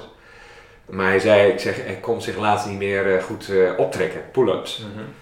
En eh, dat vond hij heel vond hij vervelend. Weer zoiets wat hij af moet schrijven, weet je wel. En toen zei ik, zei, nou, dat voelt een beetje, denk ik, als je een sprinter bent geweest. Je kon magistraal kracht leveren in dat water. En als ik dat nu weer zou doen, dan is het bijna lachwekkend. En dat is nooit motiverend om dat te blijven doen. Nee, maar dan, maar dan, ja, dan word je wel heel snel oud. Want als je dan direct overal mee stopt. Nee, je moet er niet mee stoppen. Je moet gewoon, je moet gewoon bezig blijven. Maar ik, heb, ik kom er nu achter, nu ik 10, 11 jaar gestopt ben. En nu ik dus de swim gym heb, vond ik ook een mooie kans om weer zelf te gaan trainen. Ja. En ik ben nu eigenlijk wel weer een beetje rock bottom voor mijn gevoel. Ja. qua, qua zwemconditie. Want het is echt iets heel anders dan ja, hardlopen of crossfitten of, of wat dan ook. Ehm, en nu ga ik weer drie keer in de week om, om eh, gewoon weer lekker eh, goed te trainen. En dan merk ik weer dat ik weer een beetje groei. Weet je, dat het steeds iets makkelijker gaat. En dat Ja. motiveert weer om door te gaan. Aan de andere kant, we hebben leden die zijn zo snel dat ik de laatst gewoon bijna af werd gezongen. En dat ik denk, I'll be damned. Weet je, dus ik, ga, ik ben meteen Ja. drie keer in de week gaan trainen. Om, om gewoon mijn eigen leden die nooit op de Spelen of waar dan ook hebben gestaan, om die weer een beetje voor te blijven. Dus eh, Ja. ja, toch? Dat is gewoon puur gezichtsverlies. En, eh, en ook geloofwaardigheid. Want als ik, als ik niet sneller zwem dan... En dat geldt voor al, bijna alle coaches. als die niet beter kunnen dan wat, wat eh, de mensen die we het aanleren... Ja, dan, dan zijn we bang dat we op een gegeven moment niet meer serieus genomen worden. En dan, Ah, Oké. ja... Ja, ik geloof daar niet echt in. hoor. Nee, ik ook niet. Maar Ja. Maar, even, is- maar vertel eens, hoe, hoe is die swim gym tot stand gekomen? Wat is de swim gym? Kijk, ik weet wat het is. Aangezien ik er zelf ook soms in het bad lig. Kun je vertellen niet zo vaak als dat je zou moeten. Nee. Shit, nu staat het, nu staat het op, uh, Daar op staat het erop. Nee, maar ja, weet je, Swim Gym is, eh, is, eh, het is ontstaan toen ik voor mezelf ging werken. Heb ik bij een sportschool waar een klein zwembadje was, heb ik ook een beetje geld te verdienen. Heb ik s'avonds ging ik borstklokcursussen geven. Mhm. Ik nou ja, ik wist wel dat er veel animo voor was. Weet je, ik kreeg zoveel vragen ook van hoe doe je dat nou met de borstcrawl en in zwembaden in, in Nederland is er gewoon geen begeleiding, geen coaching. Je kan niet personal training volgen in, in eh, het Zuiderbad of waar dan ook. Dus Nee. Ehm, en ik kreeg zoveel vragen. Goh, geef je wel eens training? Ik zei nee, nou, ik, ik had wat cashflow nodig. Ik dacht, ik ga dat gewoon doen. Mhm. En eh, toen merkte ik dat er heel veel animo van was binnen die sportclub. Eh, dat, eh, en dat mensen daar ook, ook wat geld voor over hadden om die begeleiding en coaching te krijgen. Maar je Eh, dus niet als volwassene naar een zwemclub en dan... Kan wel, je, je kan wel bij bij een zwemvereniging. Ja, Ja, dat kan. En dat is ook ontzettend leuk. Alleen wat je bij zwemverenigingen hebt, dan eh, heb je drie keer in de week dat je op een vast moment kan trainen. Want Ja, dan hebben ze zwemwater Ja, gehuurd. ja. En ja, eh, als je nou eenmaal eh, over de 25 bent en je hebt een beetje een carrière of je hebt, hebt wat werk en je hebt een gezin, en dan, dan kun je vaak niet op die momenten nog trainen. Dus wat gaat iedereen dan doen? Dan gaan ze hardlopen, fietsen of fitnessen, want dat kunnen ze doen wanneer ze willen. Eh, en dat kon niet en dat, hetzelfde eh, gold voor mij. En, en, ehm, dus ik, ik wist dat er animo voor was. Ik, ik merkte bij die sportschool, want dat heb ik toen een jaartje gedaan, dat, dat er ook markt voor was. En, ehm, en ik wist ook dat heel veel mensen niet, niet eh, zwemmen, omdat ze gewoon in publieke zwembaden, dan moeten ze op gezette tijden moeten ze naar de banenzwemuurtjes. Nou, dan komt alle niveaus komen daar bij elkaar. Mhm. Eh, van de beppende oma's tot de, de diehard triatleet. En, eh, en ook nog recreatiezwemmers die gewoon met hun voetjes aan de zijrand in het water gewoon een beetje lekker babbelen, en kletsen en doen. En dan moet dan in twee uur tijd, zonder coördinatie daarin, dus geen badmeester die echt is zegt, nou jullie moeten daar zwemmen en een beetje doorzwemmen en een beetje de boel regelt. Dat was chaos en dat heb ik in al die zwembaden gezien. En toen zei ik van, nou als ik ooit een zwembad tot mijn beschikking krijg, ehm, dan ga ik het heel anders doen. Dan ga ik het doen zoals een, een, een moderne sportschool is. Gewoon zeven dagen in de week. Trainen wanneer jij wil. Groepslessen aanbieden die kwalitatief zijn. Waar je echt iets leert. Waar je gepusht en uitgedaagd wordt. Eh, je kan er ook voor jezelf trainen. Je kan een personal training volgen. Eigenlijk is het heel erg logisch eh, dat, dat we er zijn. Ja. Alleen ik, ik had niet de, de, de. Ik denk ja, dat gebeurt natuurlijk niet. Want een zwembad, ja, dat is altijd, het zijn gemeentegebouwen. Dus die krijg je niet zomaar. En als er eens een zwembadje is, ja, dan is die 20 meter bij, bij, bij, bij 8. Ja, daar kun je niks mee. En eh, totdat dus de Student Hotel, waar de Swim Gym in gevestigd is, eh, kwam ik mee in aanraking. En die eh, wilde een zwembad neerleggen.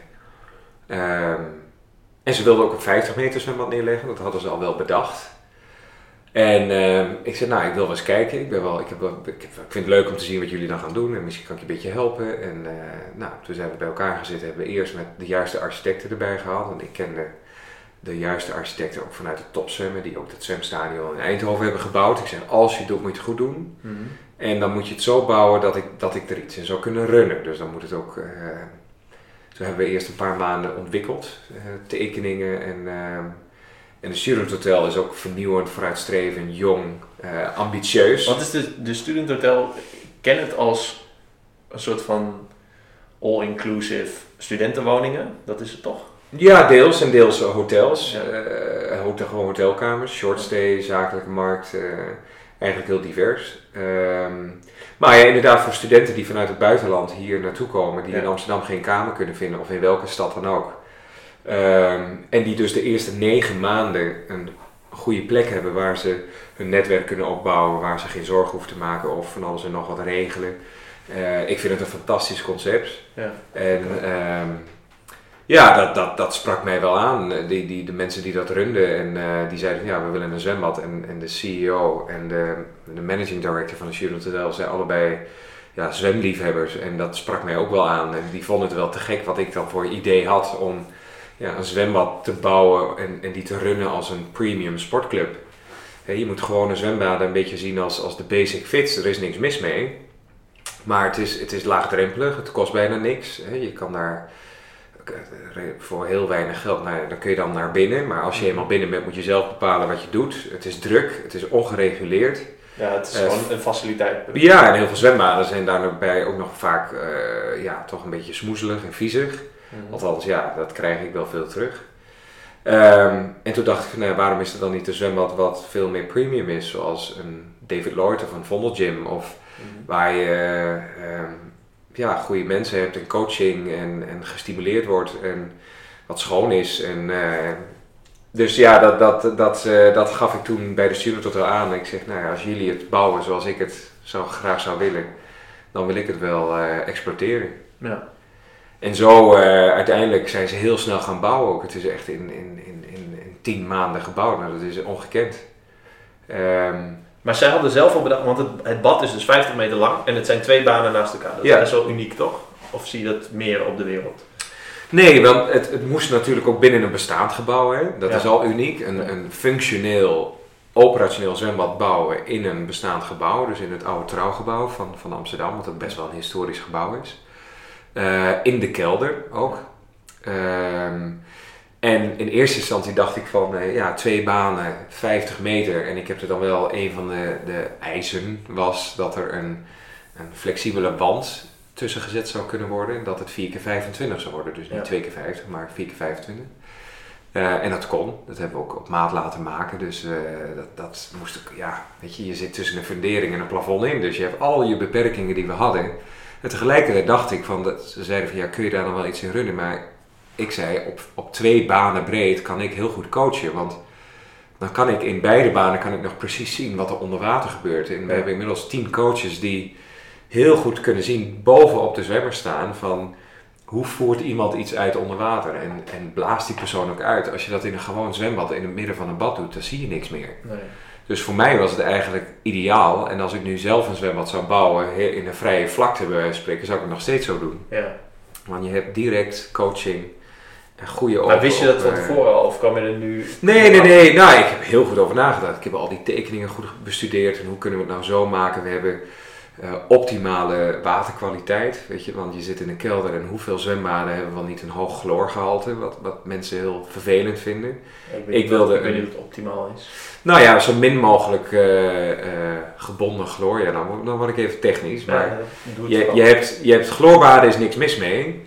Maar als je eh, publieke zwembaden, die hebben natuurlijk ook eh, kinderen en, en ouderen en recreatie. En dat zijn niet de meest schone gebruikers. Hè. Die laten wel eens wat los en die Mhm. douchen zich niet voor die tijd. En hebben geen bad met ze op. En eh, ja, dan, dan dat verse chloor, dat nieuwe chloor, dat ruik je bijna niet. Wat er altijd wordt ingepompt.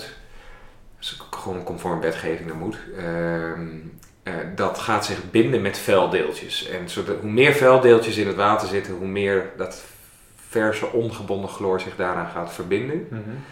Ehm, en zodra het gebonden chloor is, dus het zit om een vuildeeltje heen, dan gaat het zijn werk doen. Dan wordt het agressief. Mhm. Om dat vuildeeltje eigenlijk de bacteriën erin uit te schakelen. Ja. En dat prikt en dat ruikt. Oh, Dus mensen met gevoelige huid of met astma of eh, gevoelige longen, ja, die hebben daar heel veel last van. Maar dat komt door dat gebonden chloor. Nou, onze gebruikers zijn 18 jaar en ouder. Ze moeten een badmuts dragen. Ze douchen zich verplicht vooraf. En daarmee haal je al zoveel weg. En daarnaast hebben we een installatie wat continu aan het verversen is. Mhm. En dat geldt voor het water. Dus bij ons ruik je geen chloor. Het zit er wel in, maar het is goed voor de huid verder. Het is niet agressief. Ehm, en we zitten in een kelder, dus andere eh, voorwaarde was optimale luchttoevoer. Ja. Dus het mocht niet benauwd zijn. En die twee dingen, Hoe heb je dat gedaan dan? Want dat Nou, de hele nu je 50 het erover meter. hebt, Ja. besef ik het opeens inderdaad. Dat het Ja. helemaal niet zo'n... als je binnenkomt heb je niet het gevoel van pff, Nee. warm of... Nou, de hele 50 meter wand, zeg maar, daar zit een, een dubbele muur in. En dat is over de hele 50 meter komt de verse lucht binnen. Oh, zo ja. En eh, je ruikt het chloor pas als je buiten op straat bent. Dus als je op een bepaald moment langs het gebouw fietst, dan, Dan daar, is het, daar ruik je het wel, maar in het zwembad allemaal niet. En ik wilde gewoon onze, onze motto Swim Gym, train like a pro. Ja. Wij willen de faciliteiten, de kwaliteit van coaching, eh, de, de uitdaging, de stimulans willen wij vanuit het topzwemmen, wat wij elke dag hadden. Hè, Ja. We hadden altijd een coach op de kant met een leuk nieuw programma wat elke dag anders was. Topfaciliteiten, weet je, waar je goed in kon trainen. Dat is precies wat wij wilden creëren, maar dan voor de amateurzwemmer, Ja. voor de fanatieke banenzwemmer, voor de triatleet die gewoon eindelijk eens een keer een faciliteit heeft waar die technisch beter kan leren zwemmen, waar die conditioneel sterker kan worden en waar die gewoon op elk moment van de dag, wanneer hij of zij wil, kan trainen. En dat is een logica aan de ene kant, maar dat is precies wat ik voor ogen had. En, en dat kon hier, omdat ik gewoon zeven dagen in de week zelf het zwembad volledig tot, tot, tot mijn beschikking heb. En werkt het ook? Wat, wat is... is Nou, uit... dat moet ik aan jou vragen. Werkt het? Jij doet, Eh, jij hebt net gezongen nog, jij Ja. doet hier personal training. Ja. Ehm, ja, ik ben hier gaan zwemmen omdat ik ehm, beter wilde worden in boskwal. Ja, ik heb ook maar een diploma A en B gehad. Alleen ik ben een beetje bang voor het water. En dat, ik weet niet, als de mensen nu luisteren, dan denken dan, "Eh, maar durf je dan niet te zwemmen? Ja, dat durf ik dan wel. En ik, ik vind bijvoorbeeld snorkelen heel fijn. Mhm. Dat vind ik heel ontspannend. En dan kan ik ook rustig ademen. Schoolslag kan ik, dat heb ik geleerd. En dat sinds dat ik een kind was, doe ik dat als ik in het water ben. Dus dat is, heb ik me aan, zelf aangeleerd. Zodra ik een boskrol aanzet, aanzette, dan wist ik niet wat, er, wat ik moest doen. En dan kreeg ik ademnood en stress. En dan heb ik geen grond onder mijn voeten. En dan is het moeilijk. Dus ik wilde, ik wilde leren om... eh, ja, wat Om meer te controleren. ja, meer op mijn gemak in het water te zijn, allereerst. Vervolgens de borstcrawl kunnen volgens de regeltjes en dan kijken wat, wat ik vanaf daar ehm, Ja. kan, kan bereiken. Ja, Ehm, en, dat, en, en volgens mij is dit ook de enige plek ehm, waar dat kan. Want ik kan ook inderdaad naar het de Miranda-bad gaan. Maar ja, dan... dan ja, dan heb je ook zwem, zwemslag verbetering uurtjes. Zo. daar ging je stoel. kan ik niet meer leunen. Oké, die stoel De printer gaat ook meteen aan. Ik weet niet waar dat vandaan komt. Ehm, ja, je kunt ook inderdaad naar. eh, eh, ja, heb je dat ook? Ja, dat, dat- natuurlijk. In, in alle baden heb je, wel, heb je af en toe wel ehm, eh, een, een borstklokcursus. Of je hebt een badmeester die dan drie kwartier even aan, aan de badrand gaat staan om Ja, mensen echt- uit te leggen. Maar het, het, het, het is allemaal, vind ik, ehm, basic fit niveau. Althans, minimaal. Ehm, en ja, wat, wat, wat, wat, ik vind het wel leuk dat je dat, dat ook zegt van hè, je wil iets. En dat is precies de mensen die ik wil bereiken. Mensen willen flexibiliteit, mensen willen de borstcrawl leren. Er, is een, nou, er zijn generaties, waaronder wij zelf nog. Het is maar net in verandering dat bij de zwemles ook tegenwoordig de borstcrawl wordt aangeleerd. Want dat zit gewoon niet in ons, in ons systeem in Nederland. In alle andere landen begint men met de borstcrawl. Is dat zo? Ja, want elke buitenlander, we hebben heel veel buitenlanders, expats die bij ons trainen, die kunnen geen schoolslag. Dus Oh. waar, waar, waar jij eigenlijk blij wordt als jouw trainer zegt van, eh, nou ja, maar doe even een beetje schoolslag. Dan denk ik, oh lekker, weet je, dat, Ja, dat ken je. Spannen, ja. Nou, dat elke Spanjaard, Italiaan, Amerikaan, eh, die, die schiet dan in een stress, want ze weten niet hoe dat moet. En Oh, dat is wel bijzonder, ja. dat is bijzonder. Dus er is ook een fascinatie bij veel zwemmers eh, om die borstcrawl te leren. En ja, dat, dat, dat, eh, dat kun je gewoon niet op veel plekken doen. Want met alle respect, eh, een badmeester weet wel wat van borstkrol. Alleen ja, borstkrol leren, en dat heb je nu zelf ook ervaren, dat doe je niet zomaar. Er is geen trucje. Je kan het wel vertellen, nou je moet met je armen draaien en dan proberen nou, niet te stikken. Maar Ja, maar ja, het maar is, ik- je hebt gewoon die, die coaching en die, die, die begeleiding nodig, die paar ogen op de kant om ja, het liefst had ik het ook in een boek gelezen en YouTube filmpjes gekeken. Alleen, en dat heb ik ook wel gedaan. Alleen, dan, maar ja, dan, dan lukt het nog niet. Nou, er zijn twee redenen waarom zwemmen nou... Nou krijg je de crux van waarom zwemmen nou zo moeilijk is. Ehm, enerzijds, wat, wat wel heel belangrijk is en wat onderschat wordt, is... Maar wat iedereen voelt, is natuurlijk ademhaling.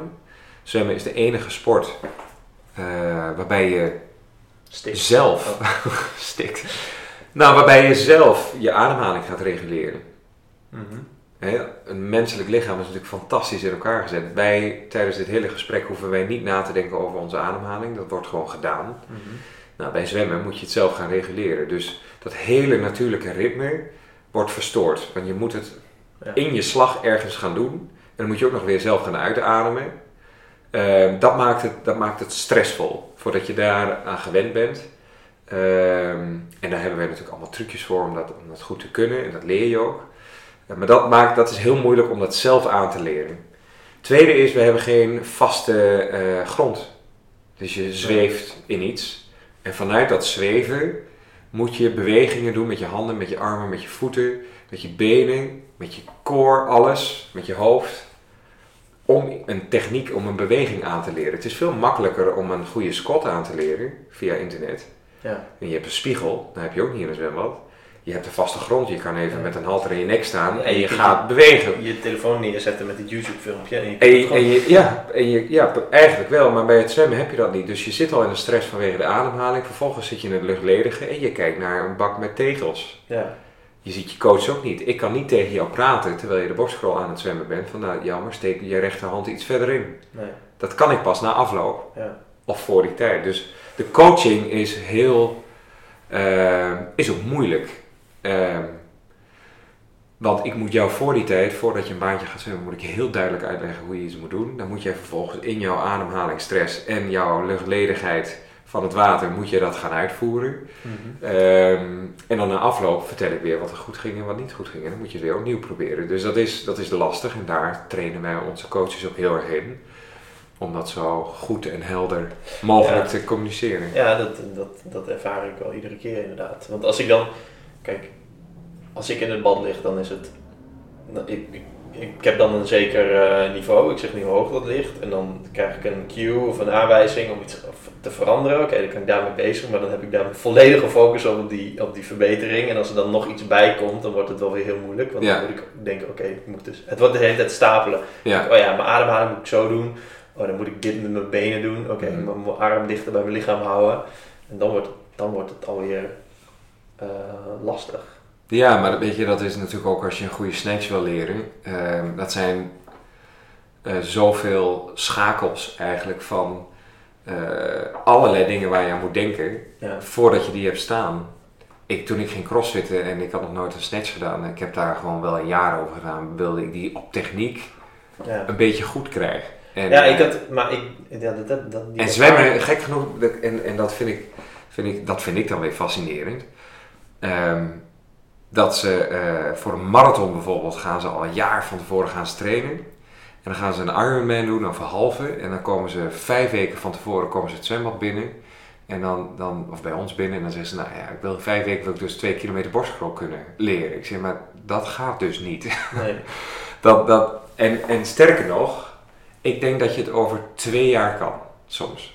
Ja. Ligt eraan. Kijk, jij hebt heel veel gesport in je leven, je hebt veel verschillende sporten gedaan, je hebt goed coördinatievermogen, je pakt dingen snel op. Ehm, dus dan gaat het sneller. Ehm, maar heel veel mensen die hebben dat niet. En naarmate je ouder wordt, word je stijver. Nou, als je iets nodig hebt in zwemmen, zijn flexibele spieren. Mhm. Ehm, en ja, dat, dat maakt het aan de ene kant natuurlijk heel moeilijk. En daarom doen wij elke dag die, die groepstrainingen, die, die, die swim of the day. Ehm, om het ook gewoon leuk te, te, te maken. Want het kan in het begin wel frustrerend zijn. Maar daarom maken wij van elke workout, ook- of van elke training ook echt een workout. dat het ook gewoon conditioneel en technisch moet je elke dag iets leren. En, Mhm. Ehm, ja, wij merken nu ook dat mensen weten niet wat ze kunnen verwachten als ze binnenkomen. En daarom doen wij dus ook try-outs. Eh, dat zijn groepstrainingen die, die ik dan geef om mensen een introductie te geven in, in hoe wij in de Swim Gym trainen. Want het bestaat gewoon niet. Nee. Het Maar bestaat nergens ook, eh, gewoon, ook niet Nee, ik zomers. Nee, ik denk eerlijk gezegd, want ik, ik heb ook veel mensen uit eh, eh, de early adapters kwamen allemaal uit Amerika en, en Australië en eh, ook wel echt wel zwemnaties, zeg maar. Mhm. Ehm, en die, die zeiden ook van, nou, dit zouden we zo graag in Londen of in, in weet je wel, ergens willen hebben. Want daar hebben ze wel veel meer zwembaden. In Australië heb je talloze zwembaden. Maar echt kwalitatieve coaching binnen een, een structuur van memberships, community, Ja. waar je lekker met elkaar traint. Want dat is ook nog iets, hè. Alleen maar banen zwemmen voor jezelf eh, is veel moeilijker dan wanneer je hier een zware, uitdagende training doet met nog tien anderen Ja. gelijkgestemden en dan daarna met elkaar onder de douche bespreken hoe, hoe, ja, hoe tof het was, weet je. Dat, Ja. dat, dat, dat hadden wij op de zwemvereniging natuurlijk al, altijd. En, en dat komt allemaal samen. Dus train like a pro, weet je, alles wat wij deden in de topsport om het leuk en uitdagend en, en snel progressie te boeken, dat doen wij hier via onze coaching en faciliteiten. We hebben een members only om ook community te genereren. Dus mensen kennen elkaar nu ook na een aantal maanden Ja. eh, trainen soms met elkaar. ehm, en uiteindelijk ja, wil je daar iets, iets, iets neerzetten waar mensen gewoon jaren in jaar uit gewoon trainen. Zodat uiteindelijk leren ze eens een keer die borstcrawl. En uiteindelijk kunnen ze een keer een kilometer achter elkaar zonder met de tong over de bodem te gaan op een gegeven moment eh, te zwemmen. En, en dat gaan wij allemaal bereiken. Welk startpunt je ook hebt, dat gaan we allemaal bereiken. Maar wat is, dan je, wat is dan je missie? Want ehm, wat hebben mensen eraan dat ze kunnen zwemmen? Waarom willen mensen kunnen zwemmen? Ja, dat, eh, zwem specifiek, of dat geldt natuurlijk voor elke sport. Waarom wil je leren golfen? Waarom, waarom wil je leren hockeyen? Waarom voetballen, tennis? Waarom? Ja, ik weet niet. Ja. nee, ik denk dat er, dat er bij heel veel sporten is het een, eh een spelelement. Ja, of ergens beter in worden inderdaad. Nou, en dat is precies waarom wij ook Swim Gym Challenges doen. Dan eens in de maand, om, om de maand, organiseren wij een wedstrijd voor leden. En dan gaan we met elkaar gewoon afstanden zwemmen. 50 meter, 100 meter kun je persoonlijk record neerzetten. En dan ga je weer trainen, een maand, twee maanden. En dan gaan we weer een wedstrijd doen. En dan kijk je of je verbeterd eh, hebt. En daarom zijn onze trainingen ook niet gewoon schemaatjes wat je moet zwemmen. Wij maken er een, een uitdaging van. Dus zoals vandaag moesten ze eh, 200 meter op tijd doen. Nou, 95 procent. eh, maar we hebben natuurlijk ook wel veel oud-wedstrijdzwemmers hè, die eindelijk hier weer- weer hun, passie kunnen oppakken. Namelijk echt trainen. Maar er zijn eh 90% van onze leden hebben nog nooit een wedstrijd gezwommen. Hebben nog nooit een 100 meter of een 200 meter op tijd gezwommen. Dus die, die dagen wij hier vandaag uit om een tijd neer te zetten. En dan gaan ze ook kijken naar hun andere niveaus. Want we trainen hier dus in verschillende niveaus. Eh, en daar val je dan onder. En binnen, diezelfde, binnen datzelfde niveau train je dan ook. En dan kijken ze ook wat er dan op het scorebord al staat in hun niveau. En dan denken ze, ja, maar dat wil ik toch wel verbeteren. Ja, Ja. en, en daar komt het fanatisme vandaan. En uiteindelijk, en daar kwa- kwamen we weer op waar we mee begonnen zijn, het zwemmen van een persoonlijk record. Waar dan ook, hè? Eh, In, in mijn geval had dat natuurlijk een heel andere betekenis, of, of in ieder geval andere eh, impact. Eh, maar hier, iemand die een record neerzet op de 200 meter, die heeft precies dezelfde voldoening als ik dat op de Olympische Spelen deed. Dat Ja. is een, ja, toch een beetje een verslaving en een voldoening en, en dat is fijn. Dus waarom wil men leren zwemmen? Eh, eh, om het beter onder de knie te krijgen, om uiteindelijk daarin beter te worden. En een beter worden is gewoon een fijn gevoel. Het is gewoon, het is, gewoon, het is eigenlijk niet zo moeilijk. Het is gewoon algemene Nee. progressie. Het is, eh, ja, een- ja, daar zit geen hogere gedachten achter. Althans, in ieder geval niet voor mij of voor de meeste van onze, van onze leden. Nee, in- nee, inderdaad. Ja. Maar ik vind het toch wel bijzonder dat je... Toevallig komt er dan iemand die zegt, ik wil een zwembad bouwen. En dan ga je je dan mee bemoeien om het maar een beetje ehm, denigrerend te zeggen. Ja. En, dan, en dan opeens heb jij deze gym die eigenlijk een, een behoefte vervult van best wel veel mensen. ja. En best wel veel verschillende mensen. Nou, de behoefte wist ik. Bij ons is het echt van 20 tot 70 jaar. Mhm. Dus ik heb ook geen, eh, En soms zie je bij crossen, dat is allemaal een beetje heel- redelijk jong gericht, hè? dus die willen Ja. iets nieuws en, en eh, lekker knallen. Bij ons is het dus echt tussen de 18 en, en, en 70, 75 jaar. Mhm. En het kan best zijn dat een 72-jarige vrouw die de hele leven al lekker zwemt. eh, en zo een hebben we die gewoon op pro-level traint. Dus Ja. die, eh, die zit in, bij de beste zwemmers, zeg maar. Dus dat zegt ook niks. Je kan het op alle leeftijden ook gewoon doen. Je kan het ook wel op alle leeftijden leren. Alleen je moet geduld hebben. Ehm, maar ja, het is, het, is eh, het, het, het leukste wat ik ooit gedaan heb. En ik, wist dat er, ik wist dat er behoefte er was, dat vertelde ik al. Ik wist dat er markt er was. Mhm. Ehm, alleen ik moest het nu verpakken in, ehm, in een concept. En de mensen die hier nu zijn, die zeggen, ja, het is eigenlijk heel logisch dat je gewoon kan zwemmen en trainen wanneer je wil. En dat er iemand is die een beetje jou beter Ja. maakt. En het is ook niet zo heel ingewikkeld, alleen in de zwembranche is het gewoon uniek. Ja, toen, Wereldwijd. ik, toen ik het voor het eerst hoorde, toen Arie zei het van, ja, er komt een zwembad achter de nieuwe Vondelgym onder ehm, het oude trouwgebouw. Ja, Eh, en toen dacht ik, oh oké, zwembad. En later pas hoorde ik dat het een, ehm, ja, dat het het concept was zoals we het net besproken hebben. Dus dat is... Oké, er is geen naam voor. nee, ja, nee, inderdaad. Nou, de swim gym, weet Ja. je. Ik wilde, de, de hele naam was natuurlijk ook, ik wilde echt iets anders doen. Ik wilde een trainingsbad, een fitnessbad waar je fit Ja. kan worden. Ja, Waar je echt workouts kan doen. ja. En dus voor mij was die naam ook, ook redelijk snel, die had ik al zo het is, eh, in mijn hoofd en, en natuurlijk ook vastgelegd.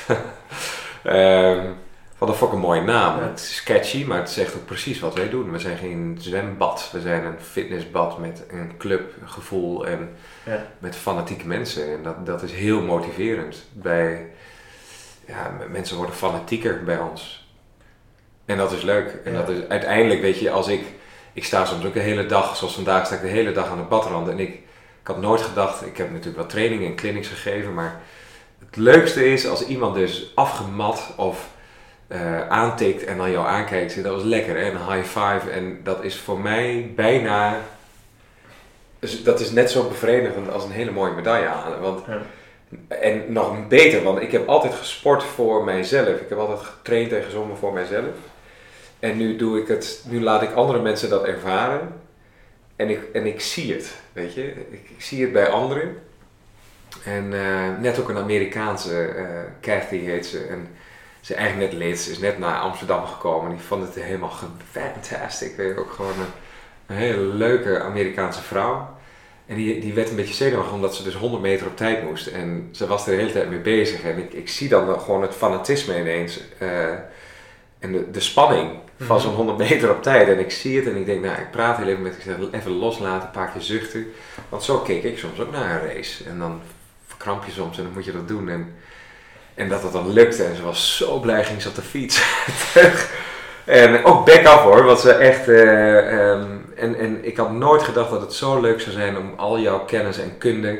En al onze trainers die komen ook uit het topzwemmen. Hè? Dus er zijn meerdere die Olympische Spelen hebben gedaan of EK's. Mijn oude coach waar ik Athene mee heb getraind, Ja, die is hier trainer, Fedor. Ja. En hij zei ook, want ik was nog een beetje bang van, ja, ga je dit wel leuk vinden? En hij had gewoon zin om eventjes uit de topsport te gaan en even iets anders te doen. En ehm, toen zei ik, nou kom dan maar bij mij. En ik zeg, ik kan nog wel een goede, goede opleider ook voor mijn andere trainers eh, eh, erbij. Maar hij zei, ik vind het, het is, geeft zoveel voldoening om deze doelgroep die echt wil leren, die echt wil trainen, eh, beter te maken. En, en ja, dat, dat, ja, dat zie ik mezelf de komende tien jaar ook wel doen. Niet zeven dagen in de week, want ik, moet, ik heb nog mijn andere, Yellow Lane is er nog. Ja, en ik moet het bedrijf ja. natuurlijk wel, wel, wel eh, Ja, en laten groeien. natuurlijk Maar internationaliseren. tuurlijk man, we zijn al bezig met Swim Gym 2. Oh, goed. Oh. Hebben we een primeur in deze podcast? Nee, maar het is, het is, het is wel logisch. Ik bedoel, eh, dit, is, dit is gewoon succesvol. Ik denk, ja, ik, ik denk aan het einde van het jaar, dan op begin volgend jaar zitten we vol. Ja. En dat is ook het hele concept van, we kunnen gewoon niet meer members hebben dan dat onze capaciteit aan kan. Wij willen nooit die overbevolking Nee. in, in het zwembad. We hebben nooit, wij garanderen dat er nooit meer mensen dan zes in een baan per uur liggen. Dat, dat doen wij door ons boekingssysteem met die app. Ja. En de- die garantie hebben we en die leef ik ook na. Als wij vol zitten, als ik zie dat, dat de banen en de, de workouts vol zitten, of vol, hè, dat betekent dan in ons geval nog steeds voldoende eh, plek om te trainen, dan gaan we dicht. Ja.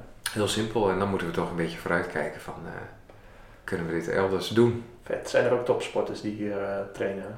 Femke Heemskerk traint hier regelmatig. Die eh, woont in Eindhoven, maar die reist veel. En dan komt ze aan op Schiphol. En dat is een goede vriendin van mij. Dus dan logeert ze wel eens bij mij in Amsterdam. En dan traint ze gewoon twee, drie sessies, doet ze bij mij. Op dit moment is er een eh, Elizabeth van Aruba. Zij bereidt zich voor, 16-jarig meisje geloof ik, 15 of 16. Die eh, is dan weliswaar onder de 18. Maar zij bereidt zich voor op de Wereld Junior Kampioenschappen. En zij was die voor tien dagen... net, die voor mij net heel hard vandaag. Heel hard, ja, maar echt, oh, dat, dat vind ik fantastisch om te zien. En het leuke is, onze leden vinden het natuurlijk ontzettend leuk dat zo'n meid die, die 15 jaar is, die, die knalt er voor, voorbij. En eh, ja, vind ik ontzettend leuk om die, om die te helpen. Maarten van der Weijden heeft hier zijn voorbereiding op zijn 24 uur gedaan. Weet je? En, en zijn 24 uur toch ook? en zijn 24 uur uiteindelijk ook. Dat Ja. was bizar. En dus ehm, nee, eh, heel veel. Ik heb zelfs Jolanda de Rover, die won goud in, in Los Angeles 84. Die komt hier zwemmen. Tony Ja, van. Bentum, die, Ja. die daar hebben we dan de Wall of, of Fame. Eh, nee, ik vind het ontzettend leuk om... om eh, maar echt trainen, trainen? Nee, Femke is de enige die hier ook wel eens echt een sessie van haar, van haar programma doet. Ja. Maar over het algemeen is het is de mix. Ja. Oké, ik moet opeens denken aan eh, het boek van Daniel Pink. Het boek heet Drive. En hij vindt dat er drie dingen zijn die eh, ervoor zorgen dat je een drive hebt. Dat zijn eh, mastery, purpose en autonomy. En ik denk dat ze alle drie aangevinkt worden hier. Dus ergens verbeteren worden, Mhm. ergens aan bijdragen en doen op de manier waarop jij het wil doen. Ja, Volgens mij is dat cirkeltje wel een beetje rond in de swim gym. Dus mensen verbeteren en dan gewoon een heel nieuw concept neerzetten omdat je vindt dat het zo moet zoals jij dat wil. ja. En dan dat hogere doel is, is ehm, bijdragen aan de zwemsport. Of zwemmen Zeker. als een manier voor mensen om te ontspannen en inspannen en ergens beter in te worden. Ja, ik weet, dat, dat, dat eh, stuitte me wel eens tegen de borst dat mensen zeggen, maar zwemmen is zo saai. Is het niet saai, al die Ja, trainingen? joh, dit vond ik toch ook. Dat vond jij ook. Ja. En, en dat vindt iedereen. En al- ik vind zwemmen, baantjes, banen zwemmen, zo noem ik het ook niet hè. Ik, banen zwemmen is ook gewoon saai. Het is wel in het lekker. boekiesysteem staat wel lanes volgens mij. Laps. Oh, laps. Ja, maar dat, is- ik, Ja, heb ja, ja. bewust geen banen zwemmen genoemd, omdat ik me daar heel erg tegen af wil zetten. Ja, Want laps is gewoon, ja, dat is, weet je, in een sportschool kun je ook voor jezelf trainen. ja. Hè, in, een, in een CrossFit box heb je ook eh, open hours, of hoe noem je dat, eh, Mhm. waar je zelf kan doen. Ja, ik zie wel dat daar heel weinig gebruik van gemaakt wordt. Iedereen wil graag in die groepstrainingen zitten. Eh het liefst programmeer ik alleen maar swim of the day, SWATs, zoals we ze noemen. Mhm. Eh, en dat gaat waarschijnlijk ook wel gebeuren. Althans, er zal altijd wel, wel ruimte voor, voor banenzwemmen blijven. Alleen wat ik, wat, wat ik altijd zei, ik zeg dat is niet saai. Ik heb, als ik mijzelf voorbereid voor een Olympische Spelen, joh, de, de, de uitdagingen die we elke dag voor onze kiezen kregen, en dat doe je dan in een groepje, waarmee je dan gaat afzien met een coach op de kant die je gaat aanmoedigen. Dan is, ik heb nooit, natuurlijk zijn er trainingen tussen die je denkt van ja jeetje, moet ik nou echt 8 kilometer gaan zwemmen de komende twee uur? Daar heb ik helemaal geen zin in. Maar ja, dan doe je het met elkaar en dan voelt het toch wel weer anders. Ja. Dus zwemmen was nooit saai. En dat is precies wat we hier laten ervaren, dat zwemmen allesbehalve saai is. En ehm, dat is dan misschien wel mijn bijdrage aan een zwemsport, dat dat beeld verandert. Ja. Want ik denk mensen die bij ons trainen, die kunnen daarna denk ik niet meer naar Miranda Bad. die denk, die, ik denk dat ze dan denken van, ja, nee. Nou heb ik het ervaren hoe het ook kan zijn. En, Ja. en eh, goed, eh, misschien doen ze het wel. Of en en, dat, dat gebeurt ook. ja, dat kan ik me nog wel voorstellen. Dat, Ja. dat gewoon, maar het zal niet de eerste keuze zijn. Nee, nee. En dat, dat vind ik heel leuk om te zien. En ja, iemand zei gisteren van, ik heb hier elke keer een aha-moment. Weet je, zo'n, oh zit dat, zit, zit dat zo? heb ik nooit geweten. Ja, wat voor, ons, voor onze coaches zo normaal is, eh, is voor anderen natuurlijk elke keer een openbaring.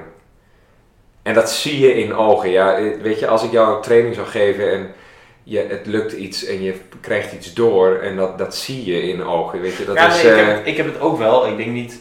ehm, ehm, ja, ik vind het nog wel moeilijk om het te motiveren. Maar dat komt ook omdat het niet echt op de route ligt. En omdat ik.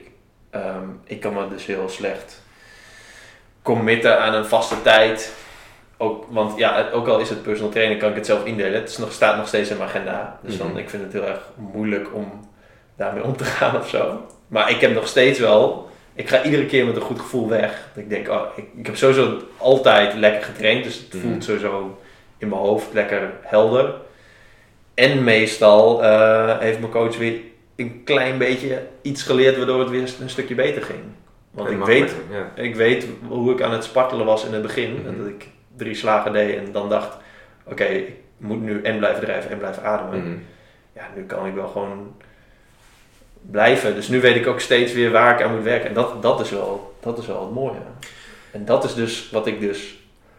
Kijk, de eerste... ehm, het eerste moment waarop ik dacht, oké, ik wil heel graag leren zwemmen, is dat, omdat ik volgens mij een boek las van Tim Ferriss over total immersion Mhm. swimming. Ja. Toen dacht ik, oh, nice. Hij schrijft het dus nu in een boek, dus nu kan ik het vanuit een boek leren. Maar Ja. dat werkt dus niet zo lekker. Dus je hebt ook een, een strippenkaart met negen strippen erop? Nee, nee, nee, dat heb ik niet. Maar dat was wel een, eh, een eh, ja, dat was een prikkel dat ik dacht van, oké, ik moet het wel, ja, ik kan het mezelf leren, want ik wil het altijd zelf proberen eerst. Daarom zei ik ook, want jij zei tegen mij, doe mee in die SWOT. En toen zei ik van, nee, ik ga wel zelf, want ik wil het zelf. Maar volgens mij ben je ook wel een type die... eh, je wil het goed kunnen voordat je het aan anderen laat zien, weet je. Dus dat, dat je denkt, Ja, nou, ik ga wel eerst één op één met, en dan daarnaast voor mezelf zwemmen. Want in een SWAT en hè, in een groepstraining zitten misschien nog tien anderen. En dan kan, ik- kan ik misschien niet helemaal meekomen. Of dan denk je, nou, dan... dan Ja, dat is zeker, dat is zeker wel waar. Ja. Ja. dat klopt. Omdat Maar dan ben je niet de enige in, dat zijn er wat meer. hoe, zou, hoe zou je dat kunnen... Ja, nee, dan moet ik gewoon zelf veranderen. Maar hoe zou je dat... Nee, daar moet je gewoon doorheen breken. Dan moet je gewoon een paar keer groepstraining doen. En dan merk je dat iedereen zijn uitdagingen en zijn challenges en eh, vooral bij het zwemmen heeft. Ja. En kijk, uiteindelijk moet je iets leuk genoeg vinden. Hè? Jij doet natuurlijk heel veel sporten, je bent nieuwsgierig naar heel veel dingen, ook buitensporten. En ehm, dat is aan de ene kant natuurlijk eh, ontzettend leuk. Aan de andere kant maakt het ook in die zin onrustig misschien dat je niet op vaste momenten of vaste structuren Het is, het is eh, niet werkt. eh, nee, inderdaad. Het is niet de basis van mijn agenda. Nee, nee. En voor heel veel mensen is het, eh, wat, wat ik weer merkte nadat ik dus bijna tien jaar niet gezongen had en nu wel weer, dat ik als ik heel druk ben ook in mijn, in mijn hoofd, als ik naar een sportschool ga, heb je muziek, heb je heel veel om je heen en, en eh, weet je, gebeurt er van alles en blijft er toch nog wel veel prikkels. Mhm. En als je gaat zwemmen bij een uur wel weg, Ja. je hebt geen telefoon, hè, dat, eh, je kan niks meenemen. Ehm, en je hebt dat geluid van het water ook continu. Eh, soms heb je dan natuurlijk wel een coach, maar over het algemeen 80, 85 procent ben je gewoon aan het zwemmen. Ja. En ben je echt weg. En ik merk, en dat hoor ik ook van heel veel mensen die druk zijn in hun carrière of in het zakenleven. Ehm, en heel veel met telefoon en met. En dat gevoel denk ik dat jij ook ervaart, want jij bent ook druk en hebt heel veel activiteiten. En eh, ook met alle blog en vlog en werk wat er, dat erbij zit. Als je een uur gezwommen hebt, kom je anders uit het, uit het water. Je staat daarna weer even iets anders buiten Ja. dan dat je binnenkwam.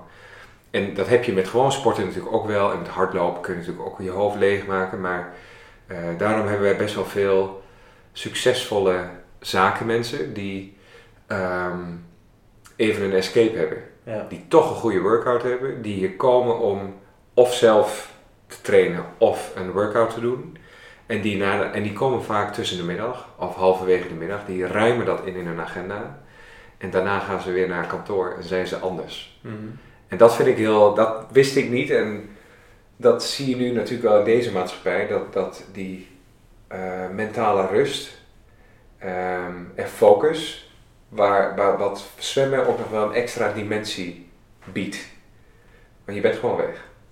Ja, het kan, het kan, ja, die iPhone is waterdicht. Dus in principe zou je hem in je, in je zwembroek kunnen steken. Dat Maar, zou kunnen, ja. ja. maar nee, ja, dat klopt wel. Ik was gisteren het boek van Klaas Boomsma aan het lezen over hardlopen. En hij zei ook van ja, je, je moet ook helemaal niet je telefoon meenemen. Of, ik weet niet precies of hij het zo zei, maar het kwam in ieder geval op neer dat dat, dat ook dat effect had van het weg zijn. En alleen met je gedachten. Als je helemaal alleen in een bos, ja. Kijk, Ja. als je in het Vondelpark gaat lopen op zondagochtend, wat ik nog wel eens deed, wat ik heel erg leuk vond. ehm, maar nooit muziek. Ik, ik, eh, Nee, dat, deed Nee, dat dus, vond ik eh, dan wel weg. Alleen, alleen en, en door die inspanning, en dan liep je dan een uur of... ehm, ja, vond, vond ik dat wel heel lekker. Maar het, het, het, eh, het, ge- ge- ge- het, het, het- geluid van water, van zwemmen, is ook heel anders. Weet je, dat gerommel in je, in je oor en Ja. dat echt weg zijn. En dat, dat, ehm, ja, ik denk dat het heel veel mensen helpt om ook gewoon tussen de oren sane te zijn. Ja. Dus dat merk je nu ook wel dat bedrijven daar ook een beetje op inhaken en zeggen van ja, dan kunnen we niet voor al onze medewerkers eh, van die memberships en eh, ik zeg ja, dat, dat, tuurlijk, zo had ik er nog helemaal niet bij stilgestaan. Ik kan meer vanuit de wens om beter te leren zwemmen, maar Ja. er zijn heel veel mensen ook met burn-outs die komen Mhm. Ehm, en die dan zeggen, nou ga maar geen SWOT doen, dan ga dan maar gewoon eigen banen zwemmen of doe wat personal training en dan gaan we echt even een, heel gefaseerd weer terug. En dat die ook zeggen na, na twee maanden of zo, dat ze ja, ook tijdens de training heel erg veel rust vinden. En, en dat vind ik wel heel mooi, dat zwemmen zoiets iets kan doen. Ja. Meer nog dan andere eh, sporten wellicht. ja, dat klopt. Ik kan, ik Ja. kan me er wel in vinden. Dus Ik mensen gaan zwemmen. Oké, is dat de conclusie? Ja, vooral bij de swimgym. Nee. nee, weet je, het is uiteindelijk... ehm, ik denk als je zo een beetje terugkijkt op, op dit gesprek... En, en dat zonder al te zweverig te klinken... maar ik denk dat de zoektocht uiteindelijk naar een, een balans... eh, dat, is, dat is wat iedereen wel zou moeten streven. Privé, ehm, in je relatie, op het werk... in je voeding, in je sporten, in je slaap... Mhm. En, en dat is wel iets wat, dat, dat, als je dat een beetje doorhebt, en nooit, dat gaat echt met ups en downs. Ik bedoel, het is logisch als je een periode heel erg druk hebt op je werk, dat je dan misschien uit balans bent. Maar als ik dan terugdenk naar mijn tijd als sporter, als ik een periode had dat ik heel veel trainde, rustte ik ook heel erg veel, sliep ik meer. Ja. En wat ik nu ook wel geleerd heb bij het opzetten van zo'n Sun Gym en hè, dat ik mezelf ook eh, fysiek aan het uitputten ben, dat ik denk, oké, ik doe even geen sociale dingen. Mhm. Hè, dat, dat, eh, dat heb ik de afgelopen maanden ook heel weinig gedaan. Dat komt wel weer, maar dat was wel weer even werken, eten, en goed blijven eten en slapen. Ik was weer eventjes die topsporter tussen eh, puberteit en tussen mens worden in. Gewoon gaan, niet te veel nadenken, zorgen dat je de kilometers maakt en wel in balans blijft. En dan uiteindelijk, als het allemaal staat, dan ga je weer dingen Ja, maar Maar dat balanceren is eigenlijk Ja, alles super belangrijk. Want, want eigenlijk als je dan nou, nauwelijks een sociaal leven hebt, ben je dus eigenlijk uit balans. Maar als het daarna weer terugkomt, dan is het, dan is het inderdaad balanceren. Ja. En als je uit balans bent, moet je het ergens gaan compenseren. En Ja. daar gaan mensen de fout in. Als ze heel druk zijn met hun werk, dan gaan ze op de verkeerde manieren compenseren. Minder slaap, Mhm. minder sport, slechter eten. Ja.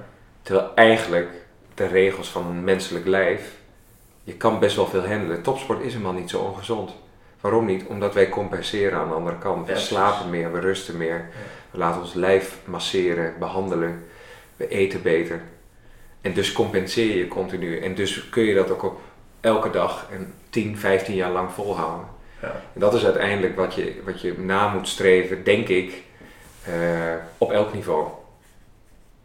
En dat is een uitdaging, maar ja, weet je, dat, dat zijn de gesprekken die je dan tussendoor voert met mensen die dan hier binnenkomen, die uit balans zijn, dat je dat ook kan meegeven met jouw sportachtergrond. En al onze coaches die hebben dat, dus ook veel met personal training eh, hebben we die gesprekken ook, van wat eet je dan? En ehm, wij, wij, hebben, wij hebben ook helemaal geen verstand van heel veel van voeding en zo. Maar je moet gewoon kijken, je moet gewoon slim nadenken.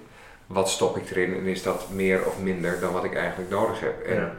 ja, goed, jij hebt daar ook altijd wel een frisse kijk op van eh, je moet het niet te veel doen. Je moet niet ineens kiezen voor een enorm dieet. Je moet gewoon een beetje weten eh, eh, hoe je in elkaar zit en dan ga je balanceren.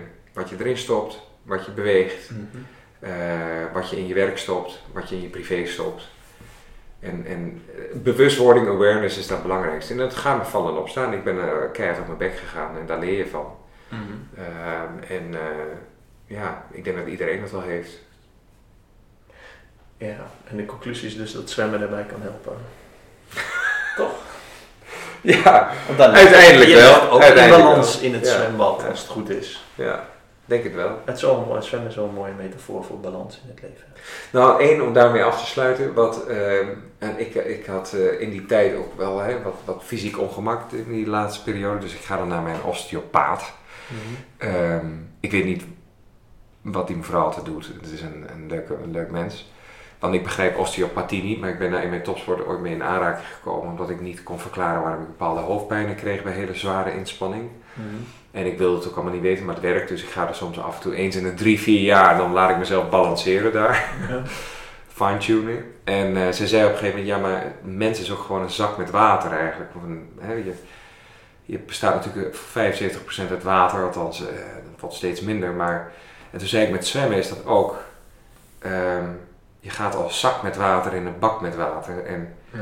die metafoor die gebruiken we ook om mensen te leren mee te deinen Ja. in wat er in de omgeving gebeurt. Dat je wel daar eh, balans in voelt van in stromingen en, en hoe je dat kan doen. En eigenlijk moet je dat met alles een beetje doen.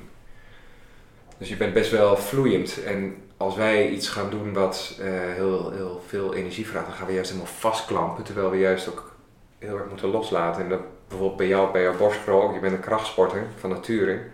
Nou, straks ga je een keer loslaten. Ja, maar ik hoorde jou stiekem net tegen andere mensen zeggen dat je die ontspanning moet zoeken. Ja, Want anders verkramp je. Nou ja, Ja. die ontspanning moet ik nog wel even vinden. Ja, maar dat, dat, is, dat is uiteindelijk waar je naartoe werkt. En, Ja. en dat is in alles wel een beetje zo. Dus als je dat in het zwemmen kan, denk ik dat je dat ook misschien privé in het werk, als je weet hoe loslaten kan werken, Mhm.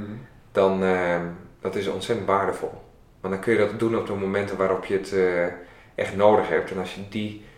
Ik had, en dan, en dan houden we erover op, maar de, de swim die was op een gegeven moment, eh, weet je, alles bepalend. Zeven dagen in de week, van ochtends vroeg tot 's avonds laat, weet je. En Ja. toen op een gegeven moment dacht ik, nee, ik moet dit nu echt, echt even loslaten. Ik ga gewoon even een dag niet en kijken, en kijken hoe, dat, hoe dat gaat. Dat Ja, dat heb je, prima, dat weet je. heb je toen verteld. Dat Ja. je vol trots zei je van Ik heb een dag niet zondag ben ik vrij. Maar Ja. vrijdag boeit ik Ook weer loslaten, weet je. Ja. Dat, dat, dat, dat vastklampen aan iets, dat is voor niets goed. Aan een sport niet, aan een relatie niet, aan een persoon niet. En zeker niet aan, aan, een, aan een swimgym of aan een zwemtechniek. Dus Jelmer, de conclusie is loslaten. Oké. Eh, hartelijk bedankt voor dit gesprek. Dat is de conclusie. Zullen we hem maar loslaten dan? Ja, we laten hem los. Oké. Oh nee, wacht. eh jammerdeboek.nl voor de show notes misschien. Ik weet niet of we heel veel linkjes te delen hebben. En anders eh, laat even weten wat je vindt van deze podcast via twitter.com slash. Oh ja, ik, had, ik vroeg nog vragen. Afsluiten. Ik zei ik ga met Johan praten. En eh, hebben jullie ook vragen? Alleen, ik kreeg geen vragen. Alleen Raymond Sluiter zei dat je een, een toffe vent was. Oh, nou, dat is aardig. Die, die, die, Dat, Die- die- dat die- was het. die bal die kaats ik graag terug naar, eh, Oké, nou Raymond. naar hem. naar Want, Raymond, eh, als je luistert. Ja, en zijn, en zijn hele fijne vriendin Fatima, ook zo'n slimme, die heb ik net vergeten te noemen. Ook zo'n mooie, slimme sportvrouw, dus eh, bij deze. Nou, dan sluiten we af met dat Fatima een slimme sportvrouw is. Oké, bedankt voor het luisteren. Doei.